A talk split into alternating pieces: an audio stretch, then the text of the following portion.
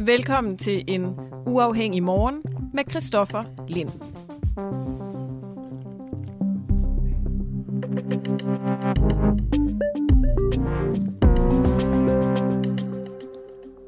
Og selvfølgelig et aller størst hedder det det.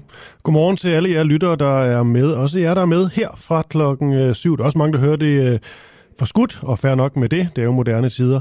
Men altså til jer, der allerede er stået op og lytter med. Stort godmorgen. I kan altid lige skrive ind og sige uh, godmorgen til mig og til de andre lyttere, og så er vi ligesom i, i gang i, uh, i fællesskab. I dag der skal det blandt andet handle om hunde. Det er jo noget, der ofte kan få folk op i, uh, i det røde felt, hvis, hvis man siger noget negativt om disse hunde, menneskets bedste ven osv. Vi spørger om, hvorvidt hundeloven er for slap. I sidste måned der blev to kvinder bidt ihjel af hunde i henholdsvis Sverige og England. I maj måned, der slap løse hunde ind på et gymnasium på Amager og skabte panik, og vi har generelt forfulgt det her med, øh, med hunde og nogle af de her kamphunde. Også hunde, som ikke er i snor, som nok burde være det. Vi har altså fokus på hunde. Vi har nogle lyttere med med deres øh, negative oplevelser. Vi har også en med, som vist nok taler det op. Altså, alle de dygtige, gode hundeejere burde jo også få noget ros. Man kan jo det øh, skrive ind, hvis man gerne vil være med senere i programmet og tale om egne oplevelser med de her små hundevæsener. Så kl. 8.30, der har jeg øh, Uffe Elbæk med. Det er et interview, jeg glæder mig rigtig meget til. Vi har nemlig rigtig god tid med Uffe Elbæk til simpelthen at gennemgå hans øh, politiske karriere, som nu er slut. Så det skal ikke handle så meget om, hvorvidt øh, Alternativet har begået løftebrud eller ej og så videre. Det skal handle mere om Uffe Elbæk og den tid, han havde. Det med at ville skabe en ny politisk kultur Lykkes det, eller fejlede han et sted på, øh, på halvvejen? Jeg glæder mig til det interview rigtig meget. Det er klokken øh, 8.30. Men vi starter et andet sted i den politiske verden, og det her det er altså politik, der foregår lige nu om en, der stadigvæk er aktiv, men nu har sagt farvel. Det her det er nu tidligere formand for De Radikale, Sofie Carsten Nielsen fra i går. Og det her, det er vel egentlig bare øh, billedet på, hvor benhårdt politik det kan være. Jeg skulle have været ved dronningen lige nu. Det er vores næstformand, Martin Lidgaard, i stedet for. Fordi i de her minutter og timer, der er der kommet de personlige stemmetal ind. Og jeg har sagt de sidste par dage, selvfølgelig bliver jeg valgt, når jeg er spurgt. Fordi man skal tro på det, man gør i politik.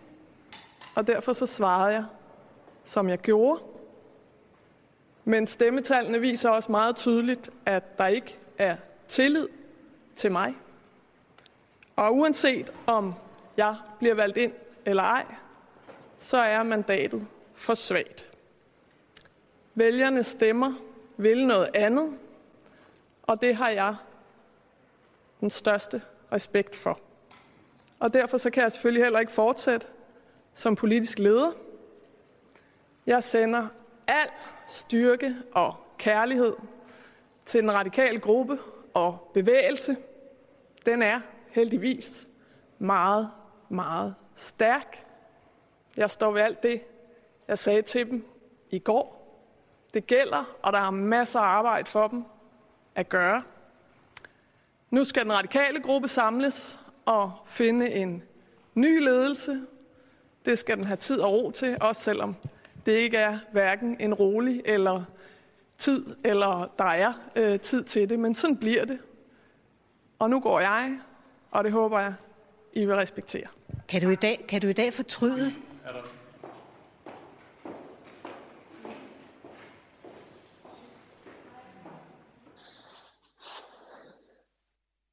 Og således øh, sluttede det. Ikke nogen opfølgende spørgsmål her, men det blev jo også sagt, øh, det hele det var en tydeligt øh, berørt Sofie Carsten Nielsen. Godmorgen Jens Rode.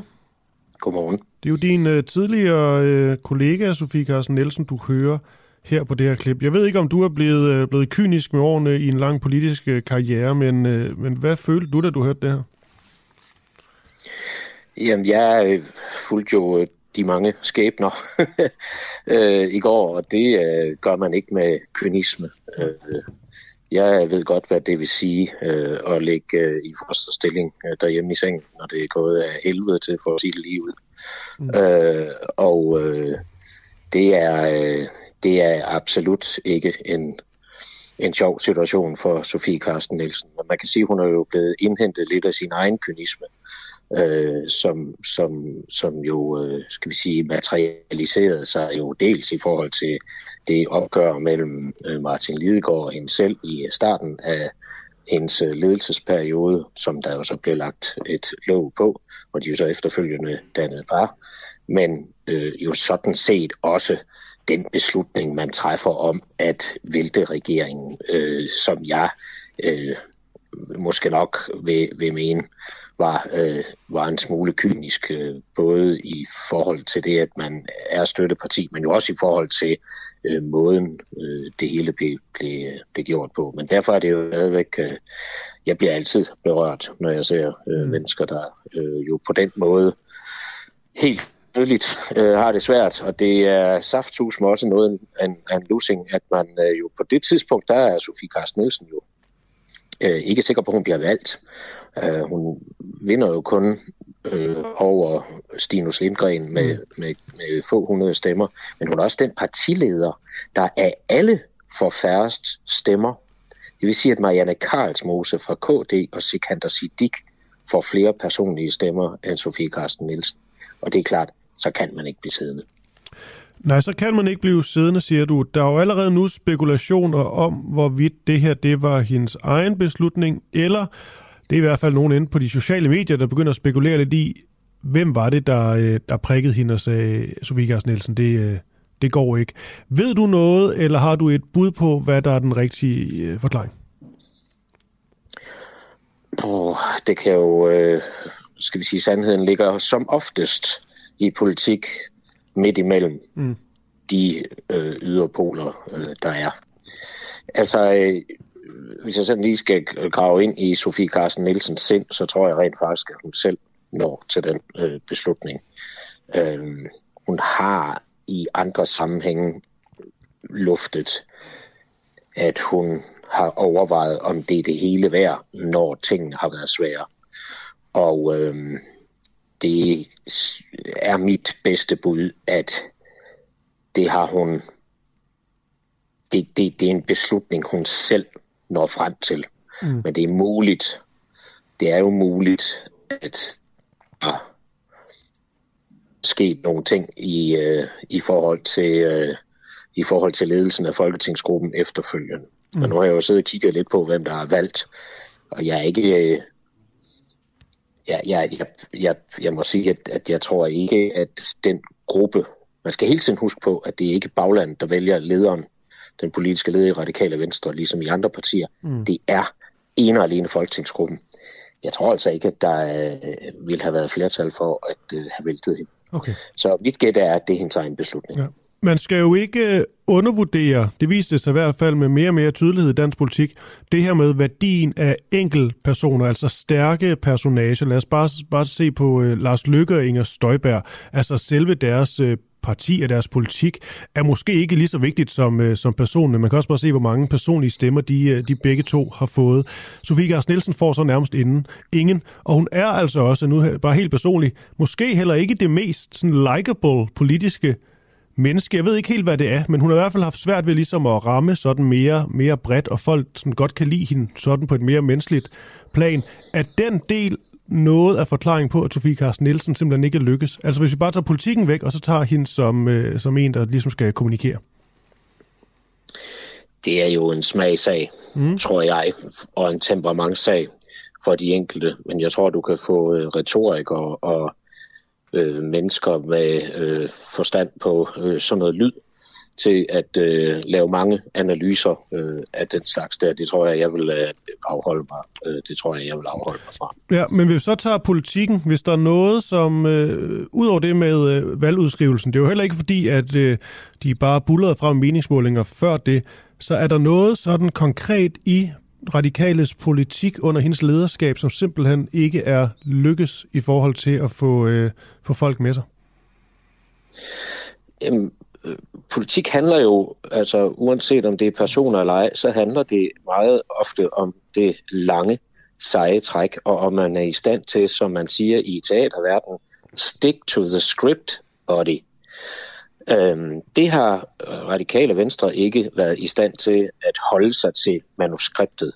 Øh, det har øh, jo det er også den skæbne, der overgik Søren Pape Poulsen i konservativ, fordi man jo også hoppede fra tue til tue, så lægger man det mest borgerlige øh, øh, frem, man overhovedet kan, sådan, øh, man, som, som skal skabe noget kant, og man kan markedsføre sig på, og så hopper man lige pludselig tilbage. Øh, Sofie Carsten Nielsen starter med at love, at hun vil gå væk fra Morten Østergaards strategi, der handlede om at true regeringen igen og igen og igen med at vælte den, uden så at gøre det. Hvor der jo så går ganske få måneder, så går hun i gang med det samme.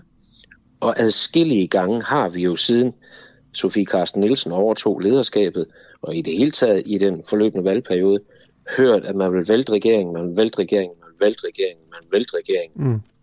Hvis ikke man får det, det og det igennem. Og den slags, kan jeg sige, det slider gevaldigt på samarbejdsrelationerne inde på Christiansborg. Og når du først begynder at slide på dem, så begynder du også at slide på dig selv. Fordi så bliver færden, den bliver vanskelig øh, derinde.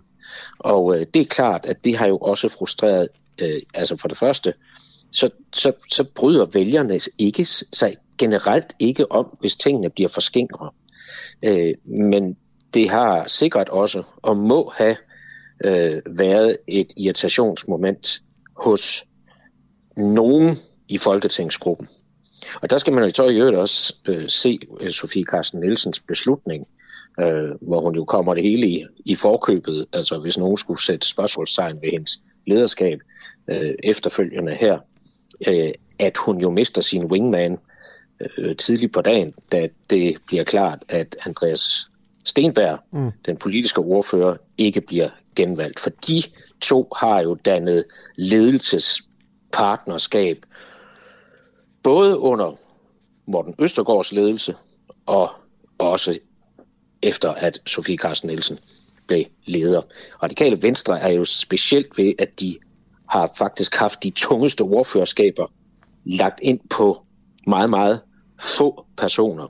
Altså under Morten Østergaard blev Sofie Carsten Nielsen jo både gruppeformand, politisk ordfører og finansordfører. Mm. Det findes simpelthen ikke lignende i andre partier. Og derfor er Radikale Venstre, modsat hvad mange tror, jo det mest topstyrede parti, vi overhovedet har i Folketinget. Mm. Og nu skal der jo selvfølgelig findes en ny øh, politisk øh, leder. Det er jo selvfølgelig Martin Lidegaard, som er, er favoritten, ham der bliver talt mest om. Da vi talte om det her sidst sammen med, med Camille Boracchi og også Jens, der, øh, der var I begge to mest på øh, Martin Lidegaard, hvis det nu skulle ske, det der nu er sket nu.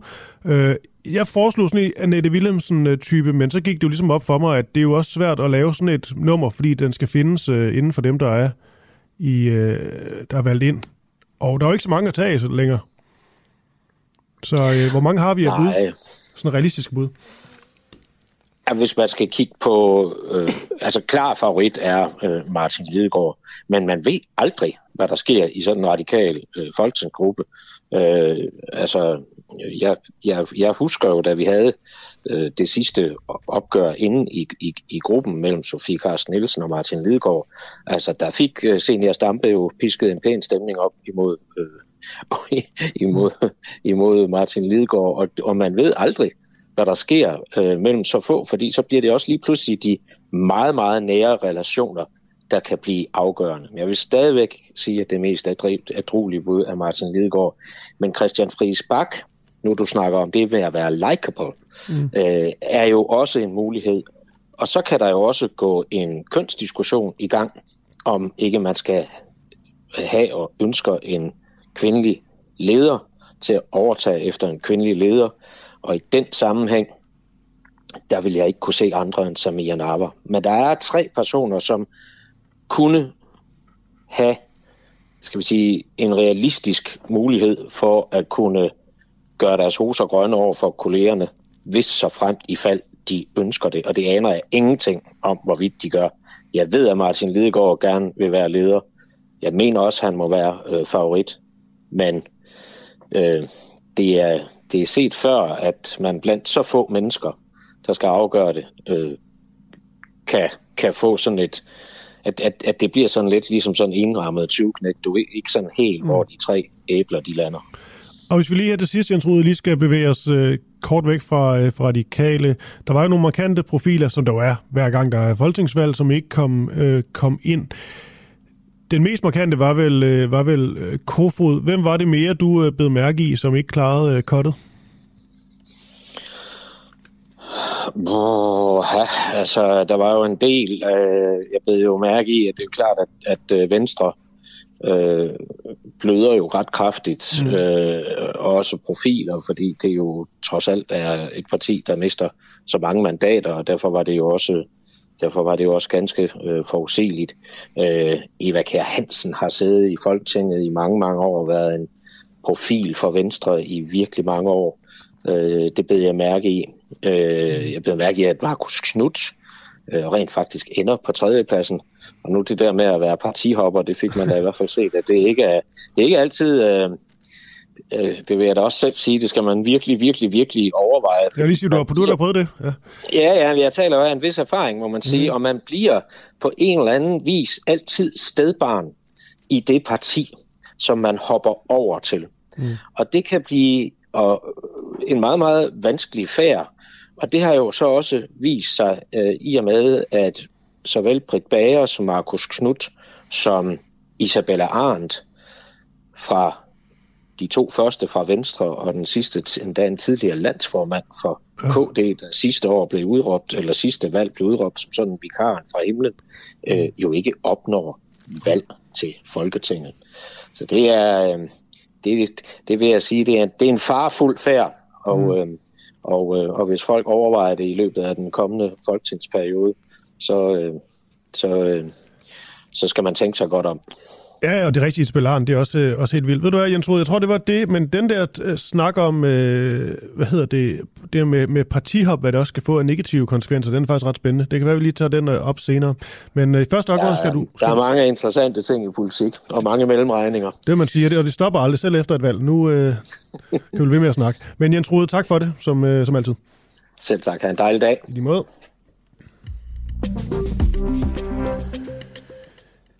Ja, og om ikke så forfærdeligt længe, sådan 5-10 minutters tid, så taler jeg med Eskil øh, Petersen om, øh, om corona. Yes, jeg ved, I elsker det. Derude, corona.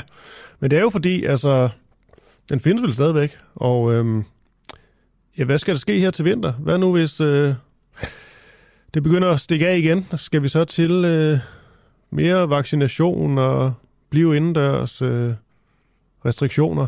Mundbind, alt det her, eller er det bare noget, vi simpelthen er kommet videre fra? Jeg ved, I har nogle stærke meninger derude, men øh, det er jo reelt set noget, der stadigvæk øh, øh kan være et issue, som vi skal, vi skal tage seriøst.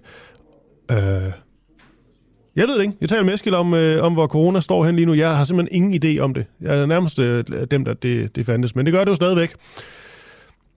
Øh, om man vil det eller ej. Så øh, den snak tager vi. Men nu skal det altså handle om, om hunde er hundeloven for slap. I sidste måned der blev to kvinder bit ihjel, intet mindre, af hunde i henholdsvis Sverige og England. Og det er jo selvfølgelig to store tragedier, det her. Men her til har vi så også oplevet noget lignende i maj måned, der slap løse hunde ind på et gymnasium på Amager og skabte vild panik. Vi har også før haft historier op om, øh, om kamphunde, der er blevet slået løs, om folk, der er blevet skambit, og det er altså noget, der sker fra tid til anden. Så vi spørger i dag, om løse hunde er et sådan mere generelt problem, og om reglerne om hundesnor er for slappe. Niels Christian Jensen, en uafhængig lytter. Du er med her til morgen. Ja, godmorgen. Godmorgen, Niels. Øhm, jeg kan godt høre, det er en, en lidt anden boldgade, jeg er i. Nej, nej, men det er jo øh, også fordi, altså, man skal jo ofte lige starte med de helt store dramatiske øh, øh, høj ja. nedslag, og så er ja. man ligesom i, i gang. Men det er jo også den sidste del, jeg siger, det er jo om, hvorvidt øh, reglerne om hundesnor er, er for slappe. Det kan jo være alt muligt. For det skal lige siges, du er også, som så mange andre danskere, øh, glad cyklist, går jeg ud fra. Ja, bestemt. Og, altså, øh, ja, men det er også her, du ja, har oplevet altså, noget med, med hunde, som måske ikke er så, øh, så rart. Ja, altså, øh, jeg kan godt lide hunde som sådan, øhm, og øh, når jeg cykler til arbejde, der er 17 km, så skal der lidt fart på. Øhm, så derfor siger jeg, at øh, vejen frem, det er cykelstier uden lyskryds, som kan få lidt fart på. Og så kan man spørge sig selv, hvad har det med hunde at gøre? Øh, jo, hunde er jo nysgerrige og impulsiv af natur. Øh, jeg plejer at sige, at ligesom et toårigt barn eller sådan noget, jeg, kan ikke, jeg kender ikke den hund, jeg cykler forbi. Øhm, så jeg kan ikke bare suse forbi en hund, der er i lang snor eller uden snor. Øhm, man risikerer at, at styre det. Øh, hvis man støder ind i hunden og kører med lidt over 25 km i timen, så er det jo temmelig farligt. Mm-hmm.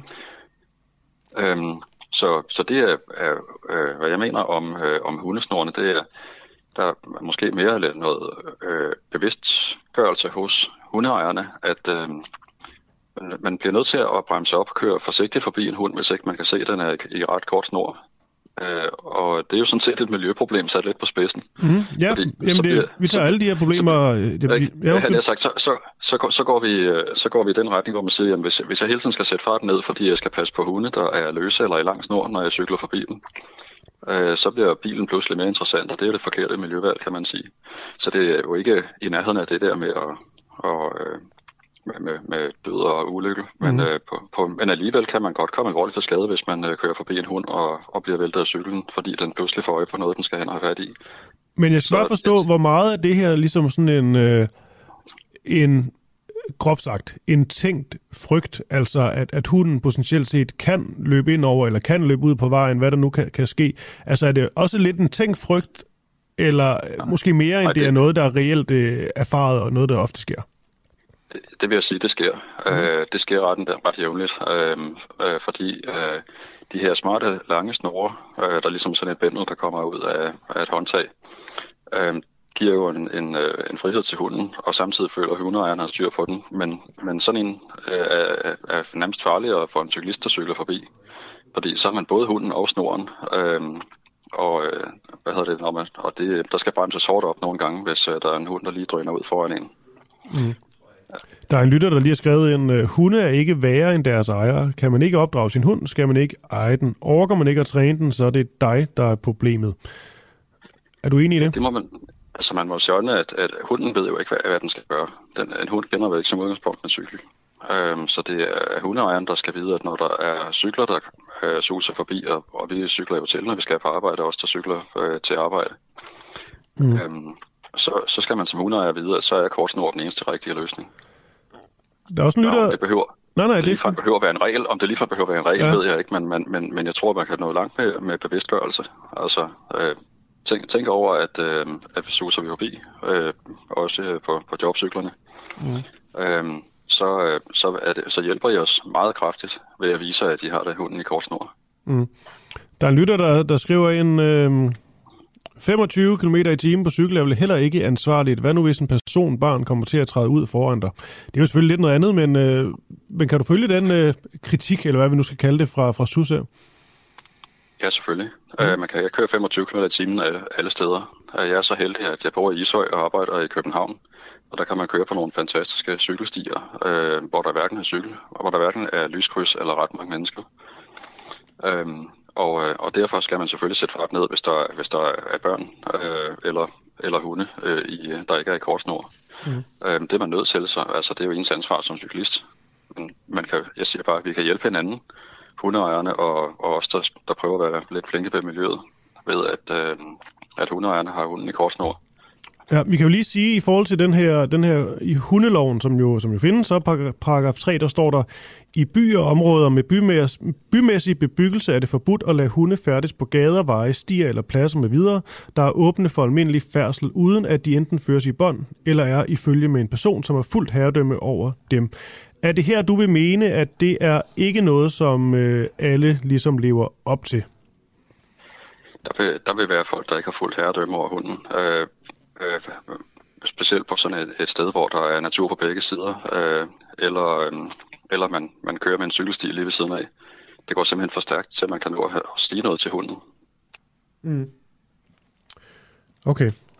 Jeg synes, jeg læste, du havde et eller andet, øh, et eller andet motto.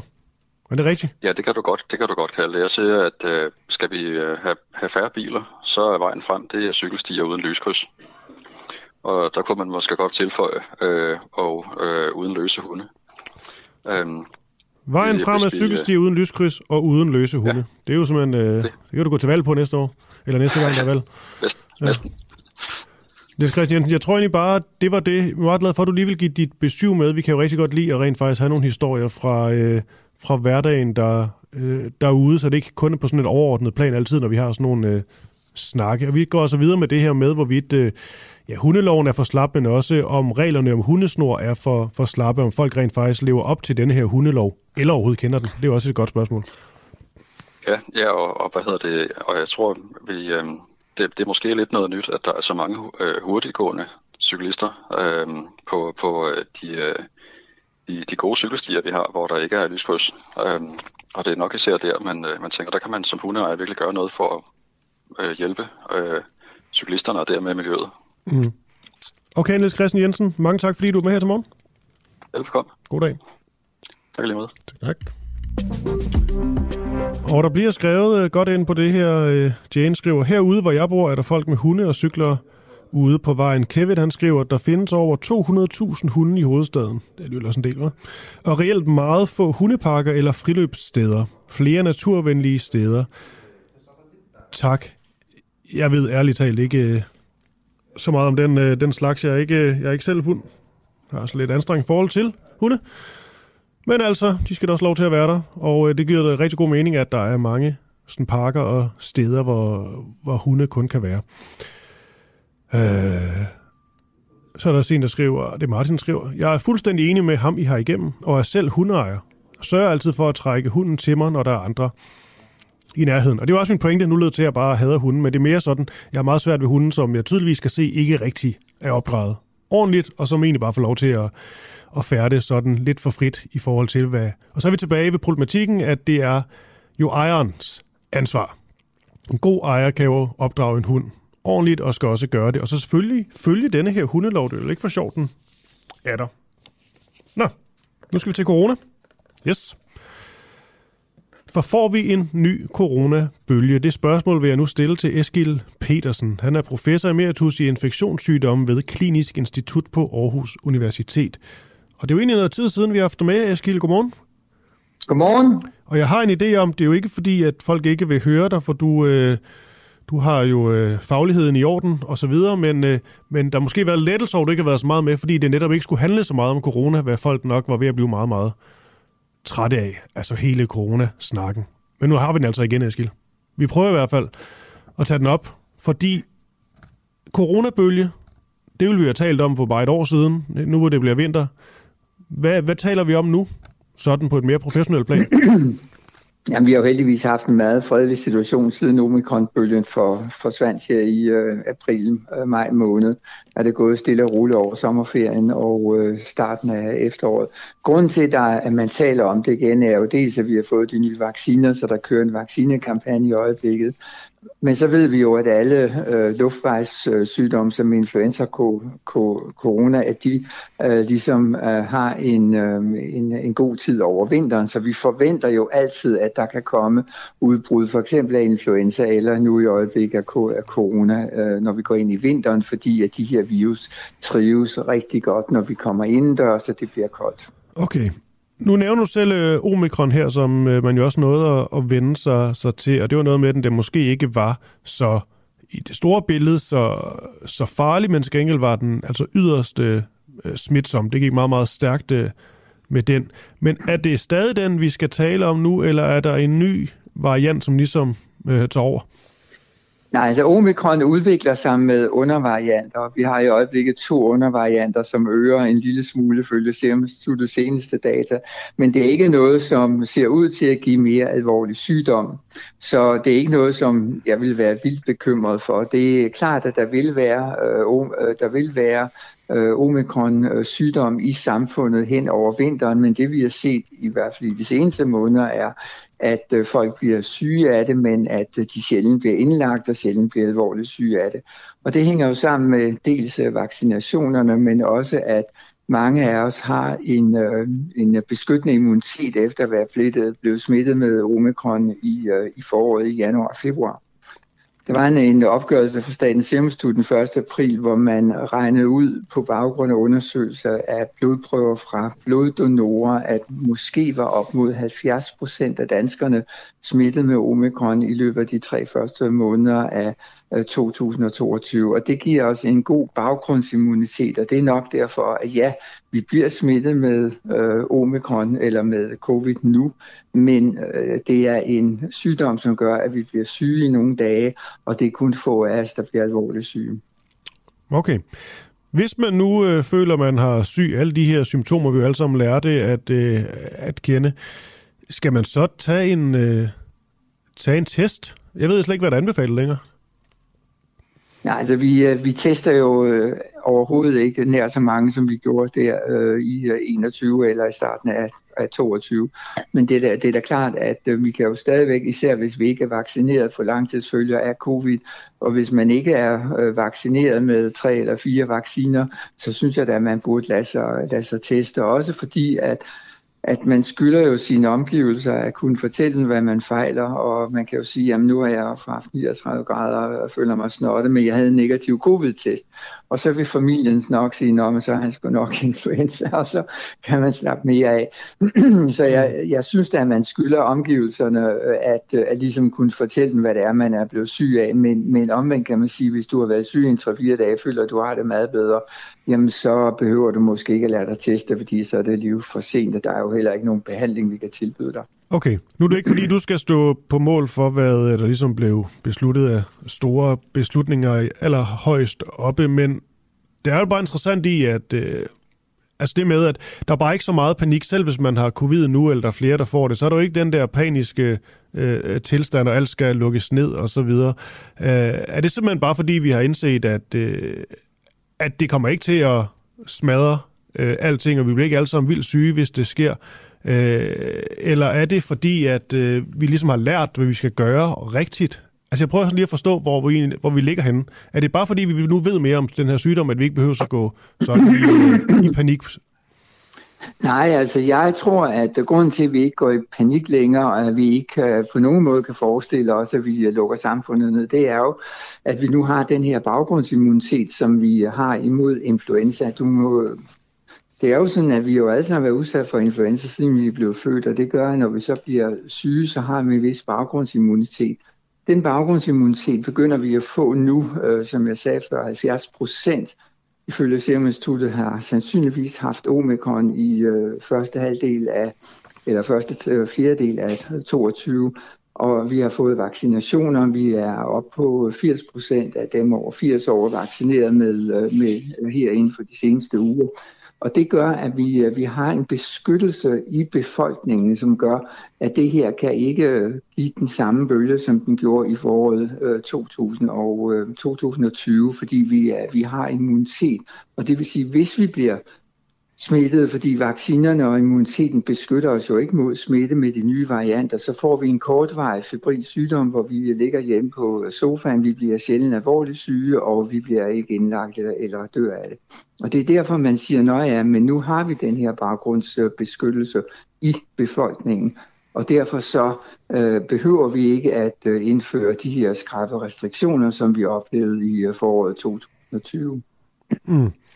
Hvis jeg nu får... Øh, det skal lige sige, at jeg har aldrig officielt fået, øh, fået corona, så det har altid været lidt øh, mystisk og spændende for mig. Jeg simpelthen, fordi man skynder, når man laver radio og sådan noget, skal man jo skulle man dengang jo testes hele tiden, så man var sikker på, at man ja, ja. smittede nogen af lytter og så videre. Jeg har simpelthen taget altså, 1000, 1000 milliarder test. Jeg har aldrig fået det skidt. Øhm, så jeg er blevet helt nysgerrig på det. Men altså, hvis jeg nu skulle få det alligevel, skal jeg så isolere mig? Det skal jeg vel ikke? Nej, det vil jeg ikke mene, at, at, at man skal. Du, du skal selvfølgelig blive hjemme. Og, øhm, og du skal så spørge, hvis du bor hjemme i familien, så prøv at finde ud af, er der nogen i familien, nogle af dine nære omgivelser, som ikke har lavet sig vaccinere, fordi de vil så være i øh, risikogruppen for at øh, få en alvorlig sygdom. Er der nogen, der har et nedsat immunforsvar, øh, for eksempel folk, der er transplanteret, eller som på grund af en cancersygdom for cellegifte eller sådan noget, de vil være i en risikogruppe for at få alvorlig sygdom. Så det skal du gøre. Så skal du selvfølgelig ikke gå på arbejde. Og så når du er blevet rask, og du ikke har feber længere, så udskiller du sandsynligvis heller ikke virus, og så kan du jo gå tilbage til dit arbejde igen. Men det vil være den måde, jeg vil håndtere det på. Okay. Det er jo sjovt, når, øh, når det handler om corona. Længe siden vi har haft den her snak, det, det vælter jo ind med, med beskeder, og dem, der er mest øh, vokale, det er jo dem, som er meget, meget kritiske over for, hvordan vi øh, gjorde med corona, men også over for vaccine, altså vaccine skeptikere. Jeg ved ikke, øh, ja. dem oplever du vel stadigvæk øh, øh, mange af. Hvad vil du ligesom, hvad skal man sige, hvad vil du sige til dem, som, øh, som nu skriver ind og, øh, og måske tænker, at det der med vacciner, det var sådan lidt, øh, lidt overgjort i forhold til, hvad det havde af, af virkning? Jamen, så vil jeg jo sige til dem, at, øh, at øh, vi har fuldstændig styr på, hvad det er for nogle bivirkninger, der er på, øh, på vaccinerne, og især hvor hyppige at det er. Der er en, øh, en intensiv overvågning øh, både i øh, USA og på, i, i EU, så vi ved alt, hvad, hvad vi burde vide om vaccinebivirkninger. Og selvfølgelig er der bivirkninger på det. Jeg fik mit stik i, i forgår, så jeg havde en temmelig øm overarm. Men, mm. men, men det er jo milde bivirkninger. Langt de hyppigste bivirkninger er jo, er jo kortvarige og milde. Og det er jo vaccinerne, som gør, at vi har kunnet slippe rejserestriktionerne, vi kunne slippe mundbindene, distancerne åbnede samfundet op. Så i mine øjne er det jo vaccinerne, som har givet os vores frihed tilbage til at gøre, til at gøre hvad vi har lyst til. Og, øh, og, øh, og det vender tilbage til det, som jeg sagde for, for lidt siden, at det er den der baggrundsimmunitet, du har i hele be, befolkningen, som gør, ja, det kan godt være, at vi har corona, men, men, øh, men det her er ikke nogen alvorlig sygdom, ikke nogen samfundstruende sygdom længere. Okay, dem som så skriver eksempelvis, at øh, hvad skulle vi med alle de vacciner, når folk alligevel blev øh, smittet. Og man hører også dem, der ligesom er blevet vaccineret så mange gange, du overhovedet nu skulle eller kunne, øh, og så alligevel så får de corona nærmest to gange lige oven i, i hinanden. Er det stadigvæk fordi, at, øh, at det vaccinen skal, det er ikke gøre, at øh, jeg kan sige, at sygdomsforløbet bliver så alvorligt. Altså den kan ikke ligesom øh, bare sørge for, at du slet ikke bliver smittet. Jamen det har du fuldstændig ret i. Altså det er jo sådan, at øh, de første vacciner var jo baseret på det originale virus fra januar 2020. og efterhånden som virus udviklede sig, så dækkede vaccinerne ikke fuldstændig længere. Det vil sige, at vaccinerne viste det sig, gav der en, øh, hvis vi kigger på omikronbølgen, især gav der jo en god beskyttelse mod indlæggelse, altså alvorlig sygdom og mod dødsfald, men det beskyttede dig ikke mod at blive smittet, men du, det er jo bedre at være tre dage på, på sofaen end 14 dage på intensiv, og det er jo der, vaccinerne kommer ind. Så vaccinerne gør ikke, at du ikke kan få øh, øh covid. Selvfølgelig kan, kan du det, men du får en, en meget mildere sygdom, end hvis du ikke havde haft nogen immunitet, altså ikke var vaccineret. Så det er der, vaccinerne har jo det er jo der, hvor vi har kunnet åbne samfundet op, det var, at mm. det her er ikke længere en, en livstruende øh, sygdom, hvor vi har mange dødsfald og mange indlæggelser. Vi var i øh, foråret 2020 meget bange for en overbelastning af sygehusvæsenet, hvor vi jo kiggede på de erfaringer, der var fra Norditalien, hvor, hvor der havde, var rigtig, rigtig mange dødsfald, og hvor sygehusvæsenet næsten brød, brød sammen. Og den situation er vi jo overhovedet ikke nu. Og det er dels fordi vi har haft omikron, hvor mange er blevet beskyttet gennem infektion, og dels øh, vaccinerne. Men alligevel trods alt, Eskil Petersen, når man ser på de her vacciner, altså føler du måske, at de blev solgt til at være lidt for effektive i starten. Jeg husker bare, at man talte så meget om det her, det her supervåben. Det var nærmest som om, nu er øh, vaccinerne landet, det lykkedes, vi kom igennem det her sammen. Men det var virkeligheden var vel trods alt den anden. Altså, man fandt ud af, at de her vacciner jo ikke bare kunne fuldstændig smadre den her sygdom. Jamen altså, det, det, det, det mener jeg ikke er, er rigtigt. Altså, øh, vi var jo nødt til at øh, øh, lære, mens toget kørte, så at sige. Vi, øh, vi havde afprøvning af vaccinerne startede i midten af 20, og de første vacciner kom til, til Danmark omkring øh, årsskiftet 2021. Og på det tidspunkt så øh, lavede man en undersøg, lavede man jo kliniske afprøvninger, som viste, hvor effektive vaccinerne var. Så ændrede virus sig jo hen igennem, så fik vi delta-varianten, fik omikron-varianten. Og der har jo hele tiden været en diskussion om, hvor, hvor godt dækker de her vacciner mod de nye varianter. Og der har det jo så vist sig, og det kunne man jo ikke vide i, i 2020, at i 2022 så dækker vaccinerne udmærket mod alvorlig sygdom og død mod omikron, men ikke mod mild sygdom. Øh, og det er jo noget, vi har lært. Så jeg mener ikke, at vaccinerne er blevet oversolgt på at være for effektive. De har vist sig at være meget effektive. Men de har også vist sig, at at øh, de kan ikke hindre en øh, to, totalt hindre smitte, og de kan ikke hindre, at, øh, at nogle af os bliver syge, selvom vi er vaccin, vaccin, vaccin, mm. vaccineret, men, ja. men vi bliver ikke så syge, at vi, at vi skal indlægges, eller, eller at vi dør af det. Okay. Og vi har jo især reduceret dødsfaldene hos ældre mennesker. Ja, jeg nåede at få to, øh, to stik, øh, og så fik jeg ligesom tilbudt det der, det der tredje. Jeg fik det faktisk aldrig taget. Jeg ved ikke, det er også måske, fordi jeg aldrig har fået covid, og jeg blev sådan lidt, øh, altså, ja, ja. hvad, hvad, hvad, hvad fan. øhm, burde jeg, synes du, få taget sådan et, øh, et tredje stik? Jeg er nogenlunde sund rest, tror jeg, er 35 år gammel. Ja, det mener jeg. Altså, det er jo cirka, jeg tror, det er omkring 65 procent af befolkningen, der er blevet vaccineret kun med to stik og ikke tredje stik. Øhm, og det mener jeg da, at du bør gøre, fordi det, det giver dig en øh, betydelig øh, booster, og øh, også selvom det er et år siden, du muligvis har fået andet stik. Og du er jo ikke den gruppe, der er blevet tilbudt øh, at få et øh, stik her til efteråret. Så det vil jeg da mene, at du burde gøre, fordi at øh, det ser jo relativt fredeligt ud lige i øjeblikket. Men vi ved jo fra øh, sidste efterår, at øh, da Omikron pludselig dukkede op, det, der, øh, det vi hørte første gang om den i midten af november, seks uger senere, så var det den alt dominerende stamme i Danmark.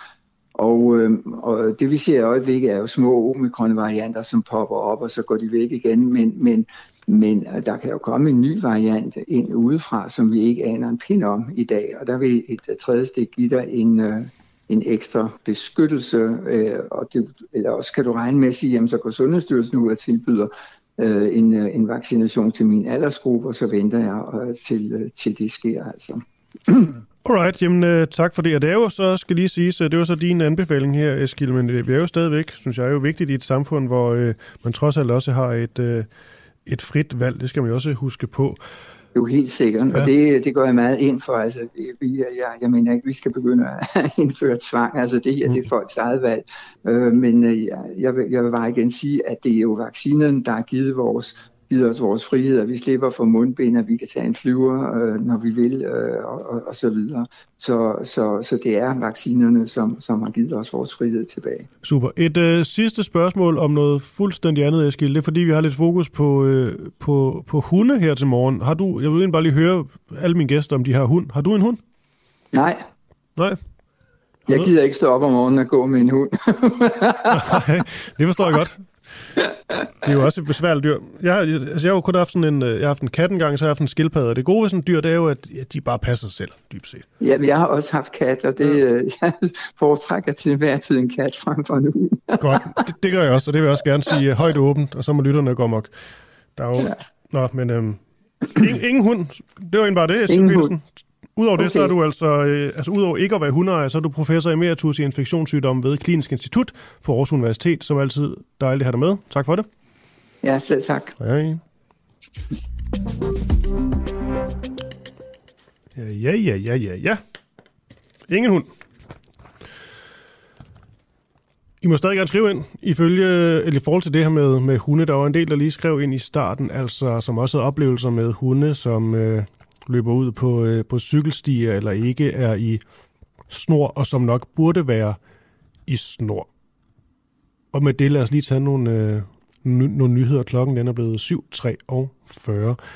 Demokraterne i USA her ser ud til at afvæve abortforbud i flere delstater, men det bliver tæt. Yderligere en række amerikanske delstater kan efter midtvejsvalget i næste uge tilslutte sig de 13 delstater, der allerede har for, forbudt abort hen over sommeren, men flere steder ser demokraterne ud til at få held med at kæmpe imod. Det er det, skriver politikken. Den amerikanske højesterets beslutning om at overlade abortregler til de enkelte delstater har gjort abort til en varm politisk kartoffel. Siden afgørelsen i juni har 13 delstater indført et noget nær totalforbud. I yderligere 10 delstater, der bliver et forbud netop nu afprøvet ved de lokale domstole, mens fire delstater har indført begrænsninger, der minder om de danske abortregler. Indtil videre der er det kun vælgerne i Kansas, der har fået mulighed for direkte at stemme om og besluttet at bevare retten til abort. Men ved midtvejsvalget i næste uge, der får vælgerne i 10 delstater altså mulighed for at påvirke de fremtidige abortregler. Ja.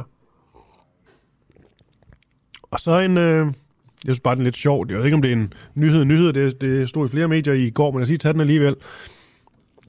I den nordjyske landsby Gjøl, hvor der i 2020 var 39 minkfarme, der er Socialdemokratiet efter valget simpelthen endt som det største parti. Det er det skriver JP.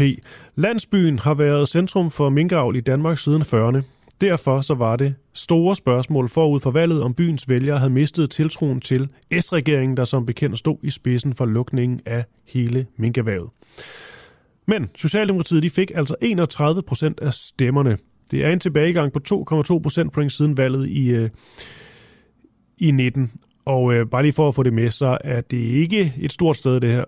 827 personer stemte nemlig på det her valgsted, Gyld Kro.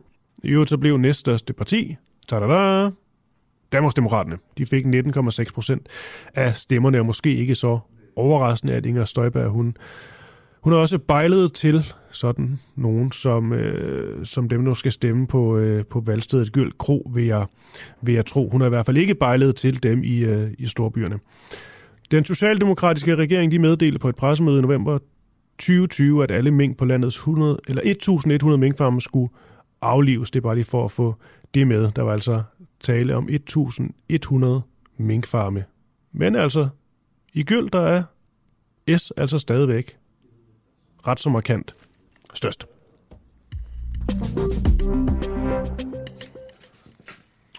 Hvem er det ægte par, der i ly af valgdage blev deporteret til Libanon? Et ældre ægtepar og fem af deres voksne børn blev natten til tirsdag vækket af politiet og sat på et fly til Libanon, som nu er landet i Beirut. Familien er flygtningen fra Syrien, men flygtningenevnet har afgjort, at familien kan udsendes til Libanon. Og øh, som jeg også sagde i mit oplæg her, så var det jo noget, der sådan lidt gik under radaren, fordi valget ligesom dækkede det, det hele. Men vi taler nu med Jytte Lindgaard. Hun er netop advokat for det her syriske ægtepar, der blev debatteret lige op til valget. Godmorgen til dig, Jytte. Godmorgen. Godmorgen. Vil du ikke lige, øh, først og fremmest lige fortælle mig og lytterne, hvem de er, det her, øh, det her ægtepar? Vil du ikke sætte nogle ord på dem? Jamen, øh, jeg er principielt advokat for børnene, så man kan sige det sådan. Okay. Fordi til sidst, da jeg kom ind i sagen, der var det, at børnene, nu taler man til børnene, det er altså voksne personer fra 25 til, til 45 år, så mm. det er måske lidt mærkeligt at kalde dem børnene. Men øh, det er et ældre ægtepar, og hele, hele familien, øh, de er øh, syv, der er blevet deporteret, men der er, der er, de har flere børn, hvor øh, to har ret til at være i Danmark. Og øh, det... Øh, Hele familien har levet i en øh, asyllejr i Libanon. Og af mange forskellige grunde flygter de fra den og kommer til Danmark. Og de får i første ombæring asyl. Men så, det, så øh, kommer det frem på et tidspunkt, at mener de danske myndigheder, at de ikke kun er syriske statsborgere, men også libanesiske. Mm. Det er en sag, hvor man er enige om, at alle er syriske statsborgere. Spørgsmålet er, om de til lige er libanesiske statsborgere, altså har dobbelt statsborgerskab. Hele familien mener ikke, at det er libanesiske statsborgere. De har ikke fået noget statsborgerskab og ikke på den måde blevet indrulleret i Libanon. Det mener de danske myndigheder. Og derfor så fratager man dem retten til asyl i Danmark, fordi man mener, at de har ikke talt sandt, altså har fået deres opholdstilladelse svigagtigt så er der lige et par stykker, hvor der har været her så længe, så der er noget med noget børn. Men altså, det, det er de syv, der er blevet, der er blevet øh, deporteret, øh, tvangsudsendt af Danmark forleden. Mm. Og øh, så kommer spørgsmålet, hvordan er det kommet frem? Der øh, hvad ser en form for øh, numre på et pas, som man siger er familiens. Familien siger, at de ikke kender noget til det. Og der står det så. De danske myndigheder øh, har så spurgt det libanesiske. Men inden de gjorde det, så gjorde familiens tidligere advokat, som jeg arbejder tæt sammen med, øh, han øh, rettede henvendelse til den libanesiske ambassade i Stockholm, og fik der svar om, at man ikke kendte de pågældende som libanesiske statsborgere. Det gik de selvfølgelig videre med til de danske myndigheder. Men de danske myndigheder, de rettede sig selv henvendelse øh, til de libanesiske myndigheder, det vil sige altså at hjemrejsestyrelsen der retter henvendelse til Udenrigsministeriet, der så skriver ned til de rette i, øh, i Libanon. Og nu siger jeg ordet de rette. For jeg ved ikke, hvem det er, der har de har rettet henvendelse til i Libanon. så kommer der det, at der kommer en telefonisk meddelelse til den danske chargé d'affaires i, eller attaché i Libanon. Og her får man at vide, at øh, Libanon betragter dem nu som libanesiske statsborgere. Vi har ikke været på tryk. Vi har kun denne telefoniske samtale, øh, som er givet til øh, attachéen, som så giver den videre til hjemrejsestyrelsen, også per telefon. Men i det tilfælde her, så får vi så samtidig at vide, at der nu vil blive lavet rejsedokumenter. Og rejsedokumenter, det vil sige altså en form for pas. Der er sådan et enkelt pas, det hedder laissez-passer, øh, sådan så man kan rejse ud af Danmark og ind i Libanon. Og øh, det får vi ikke at vide, hvornår kommer, men øh, vi kan fornemme, at det må være på trapperne, uden at vi dog ved, om det tager 14 dage eller 3 måneder. Det er der, så sagen står.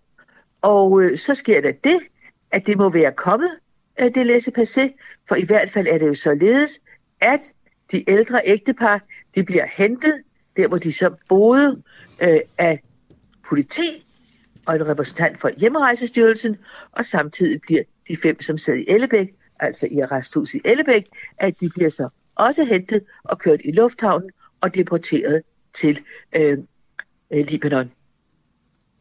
Så det er, det er sådan set mm. øh, i, i meget korthed og forhåbentlig rimelig klart øh, situationen. Ja, noget af det, som, øh, som ligesom... Men man skal måske også se her nu, øh, jeg kan ikke, jeg kan ikke høre de spørgsmål. Nej, nej, jeg vil, bare, øh. jeg vil bare sige noget af det, som, øh, som øh, virkelig blev fokuseret på i, øh, i medierne i, i går, det er jo det her med... Øh, med deres, øh, deres men, hvad skal man sige, både fysiske, men også mentale tilstand, det her, det her ægte par. Ja, men, men det, jeg kan meget, meget selv høre dig.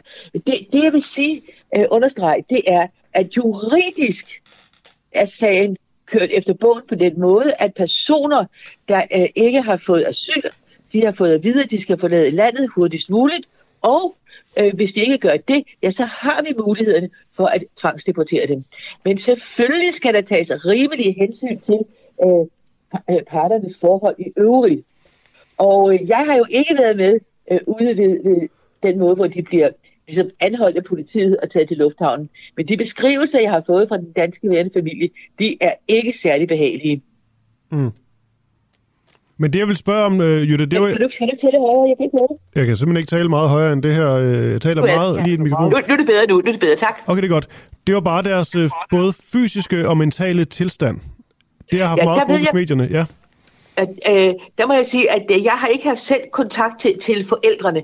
Jeg har kontakt til, øh, altså ud over til de fem øh, Øh, af børnene, der var indsat i Ellebæk, som jeg har haft meget, meget kontakt med, så har jeg haft ret meget kontakt også til øh, familien her i Danmark. Øh, en, øh, en, en kæreste til øh, en af, af, øh, af børnene. Ikke? Hende har jeg haft tæt, tæt kontakt med, og det er gennem hende, jeg har fået de beskrivelser, der, der er, og også hvad der skete øh, ved deportationen øh, forleden. Så, øh, men jeg ved, at øh, forældrene havde det dårligt, fordi de sad også i Ellebæk, og øh, derfra blev de flyttet til øh, Kærsådgård, og fra Kærsådgård blev de flyttet videre til et sted, der var bedre. Så myndighederne har altså været helt klar over, at det var et ældre ægtepar, der ikke havde det særlig godt. Mm. Ser du, ser du nogen som helst... Øh det gør du nok, men hvad er det, du særligt ser i den her øh, sag, som øh, kan være øh, problematisk? Jamen, altså, jeg, må, jeg er nødt til at understrege, at juridisk har man fulgt de meget rigide regler, vi har. Ja med at udsende dem. Og så er spørgsmålet selvfølgelig, hvordan skal vi bruge vores regler her i Danmark? Er det en rimelig måde, at vi har foretaget den tvangsdeportation på? Og der må man sige, at over for de ældre, der, der, må det, der lyder det ikke særlig rart. Og øh, hvis de oplysninger, jeg har fået om, at der har været rigtig mange betjente med, at Øh, og øh, virkelig mange, jeg ved ikke hvor mange, men det er noget med over 10 stykker, da de var nede og hente øh, forældrene. Det er det, jeg har fået oplyst, øh, så synes jeg, at det lyder voldsomt. Jeg har også fået oplyst, at der skulle være mange med i, i flyet til Libanon, og at, øh, at de ikke har fået ordentlig mulighed for at ringe til deres danske familie. Så hvis der er, sådan, der er mange ekstra ting, øh, som vi er nødt til at få, få klarhed over, øh, hvad, det egentlig, hvad der egentlig er sket.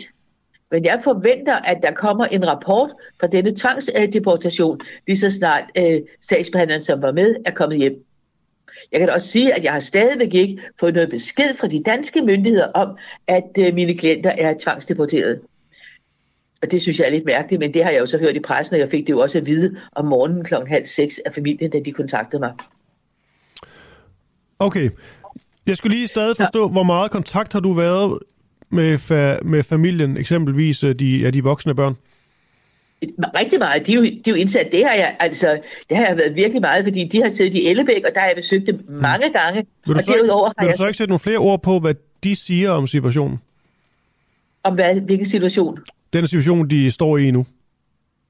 Jamen, det ved jeg ikke, hvad det går i den situation, de står i. Den sekund ved jeg jo ikke, vel? Men, men jeg ved, da de var indsat, der var det et par af dem, som kraftigt understregede, at de havde været udsat for tortur i Libanon. Mm. Og jeg har set, jeg har set den ene, ene af brødrene, jeg har set de meget store sår på kroppen, for han kunne ikke lade være med også under et retsmøde at trække op i blusen og se det. Og jeg har også set nogle, nogle øh, altså fingre, øh, som, som øh, var, var stive på grund af den tortur, de havde udsat for. Så jeg ved i hvert fald, at to af dem har været udsat for en, en tortur i... Øh, øh, i Libanon. Ikke? Og de ting øh, siger de, og det ser også ud til, at det har været nævnt i, i, øh, øh i flygtningen, i flygtningenævnet, og det ved jeg også, at deres tidligere advokat har understreget. Men det har de danske myndigheder altså ikke lagt vægt på, men i stedet for sagt, I har ikke sagt, I også var libanesiske statsborger, og derfor skal I sendes ud. Mm. Så, så der er masse ting i, af parternes personlige forhold, som der ikke er blevet lagt vægt på. De ældres forhold ved jeg ikke helt så meget om, Udover at jeg ved, at de er ældre, og de er dårlige. De er ikke bare ældre. Øhm, de har dårligt hjerte, og de har mange andre sygdomme. Og det er vel også derfor, at de overhovedet fik lov at komme ud af Ellebækker til Kærsødgård, som jo ikke er særlig rart heller, og så videre derfra til en mere privat indkvartering. Det gør man jo kun i tilfælde, hvor der virkelig er en begrundelse for det, og det er da helt klart, at myndighederne altså tidligere også har anset, at der var denne begrundelse, fordi de altså så har tvangsdeporteret nogen Mm. Det vil sige, de har tvangsdeporteret nogen i dag nu, som var meget dårlige og er meget dårlige. Jeg ved ikke, hvordan situationen nu er i, i Libanon, men øh, jeg har forstået på familien, at det har været meget, meget, meget brutalt, har de følt det, den måde myndighederne i danske myndigheder har opført sig på. Mm. Ifølge de øh, oplysninger, jeg har, så... Øh så er der jo både, når du taler med det her ægtepar, øh, PTSD i svær form. Øh, ja. Manden, han er, han er dement. Jeg tænkte bare umiddelbart, det var sådan nogle faktorer, der vil gøre, at det var sværere at få dem udsendt. Ved du, om det er noget, der egentlig spiller en rolle, altså hvordan man har det sådan mentalt? Jamen det, jeg må desværre sige på dit spørgsmål, det har jo altså ikke spillet nogen rolle, Nej. for der er ikke tale om, at de danske myndigheder ikke ved det. Altså en gang imellem har man selvfølgelig nogle situationer med noget sygdom, som måske ikke har været så klart fremme. Men det har det i denne sag. De danske myndigheder har så valgt at tage den helt rigide holdning, bruge paragraferne fuldstændig efter deres ordlyd, et afslag, et afslag fra flygtningenevnet, så skal du rejse hjem, rejser du ikke frivilligt hjem, så kan vi tvangssende dig hjem, uden at tage yderligere hensyn. Det man så kunne sige, det er, jamen så kunne man have søgt, øh, ville man kunne have søge øh, øh, opholdstilladelse humanitært, men det får man jo praktisk talt ikke. Ja, vi plejer at sige blandt advokater, man skal næsten have hovedskidt for kroppen, for at få en humanitær opholdstilladelse i Danmark. Så en PTSD ville man heller, formentlig heller ikke få en humanitær opholdstilladelse på. Det mener jeg faktisk ikke, man gør. Fordi som man siger, jamen det kan behandles i hjemlandet.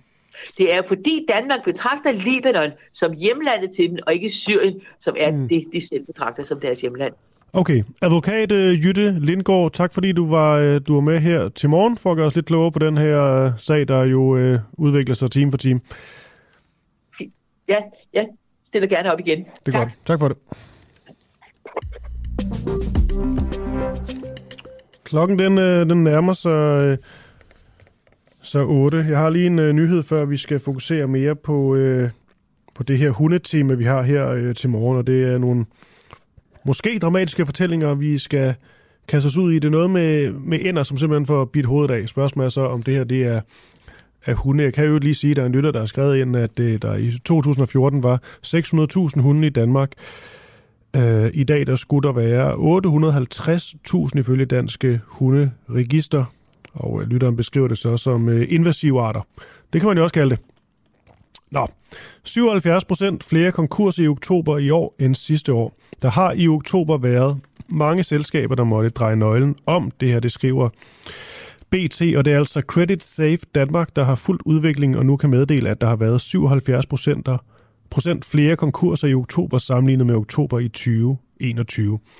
Helt konkret så gik 732 selskaber konkurs i hele Danmark, hvor 445 af dem var i region Hovedstaden. Det er altså en stigning på 121 procent sammenlignet med sidste år. Ud af de her 732 beskæftigede, så er 34 af de konkursramte selskaber mere end 10 ansatte. Altså har mere end 10 ansatte. Credit Safe Danmark oplyser, at der ikke er nogen branche, som slipper for konkurserne i deres tal. Det er særligt restaurations-, overnatnings-, anlægs- og byggebranchen, som har været under et stort pres i øh, oktober måned. Det er godt nok nogle vilde tal, det her. Det skal vi øh, fokusere lidt på i morgen, kan jeg godt mærke. Nå. 77 procent flere konkurser i oktober i år end sidste år. Nå. Hej, du lytter til en uh, uafhængig morgen her på Den Uafhængige.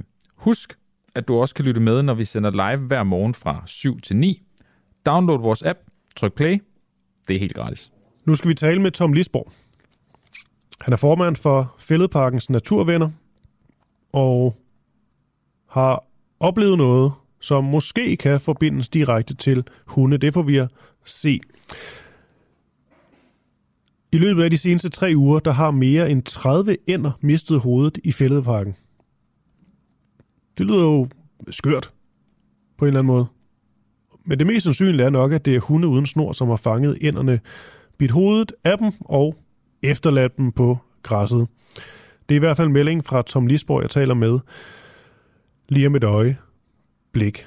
Og øh, jamen er det ikke bare at, at høre dig, Tom? Først og fremmest godmorgen. Ja, godmorgen. Tak fordi I vil dække sagen. Ja, selvfølgelig. Øhm, nu, nu siger jeg jo øh, angiveligt og måske og bruger nogle af de her ord, men det er vel også fordi, at du ikke du vil ikke ved, at øh, det er hunde, men vil du ikke først lige beskrive, hvad det er, du har set og hørt om?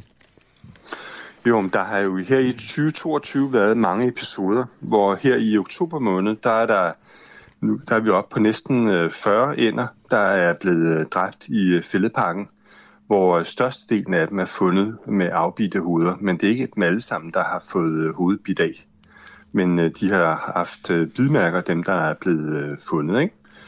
Og de er typisk blevet fundet øh, i løbet af eftermiddagen, hvor de stadigvæk ikke har været stive, og det tyder på, at de er blevet dræbt få timer inden, fordi der indtræder rigor mortis, altså dødstivhed, inden for få timer efter en and er død.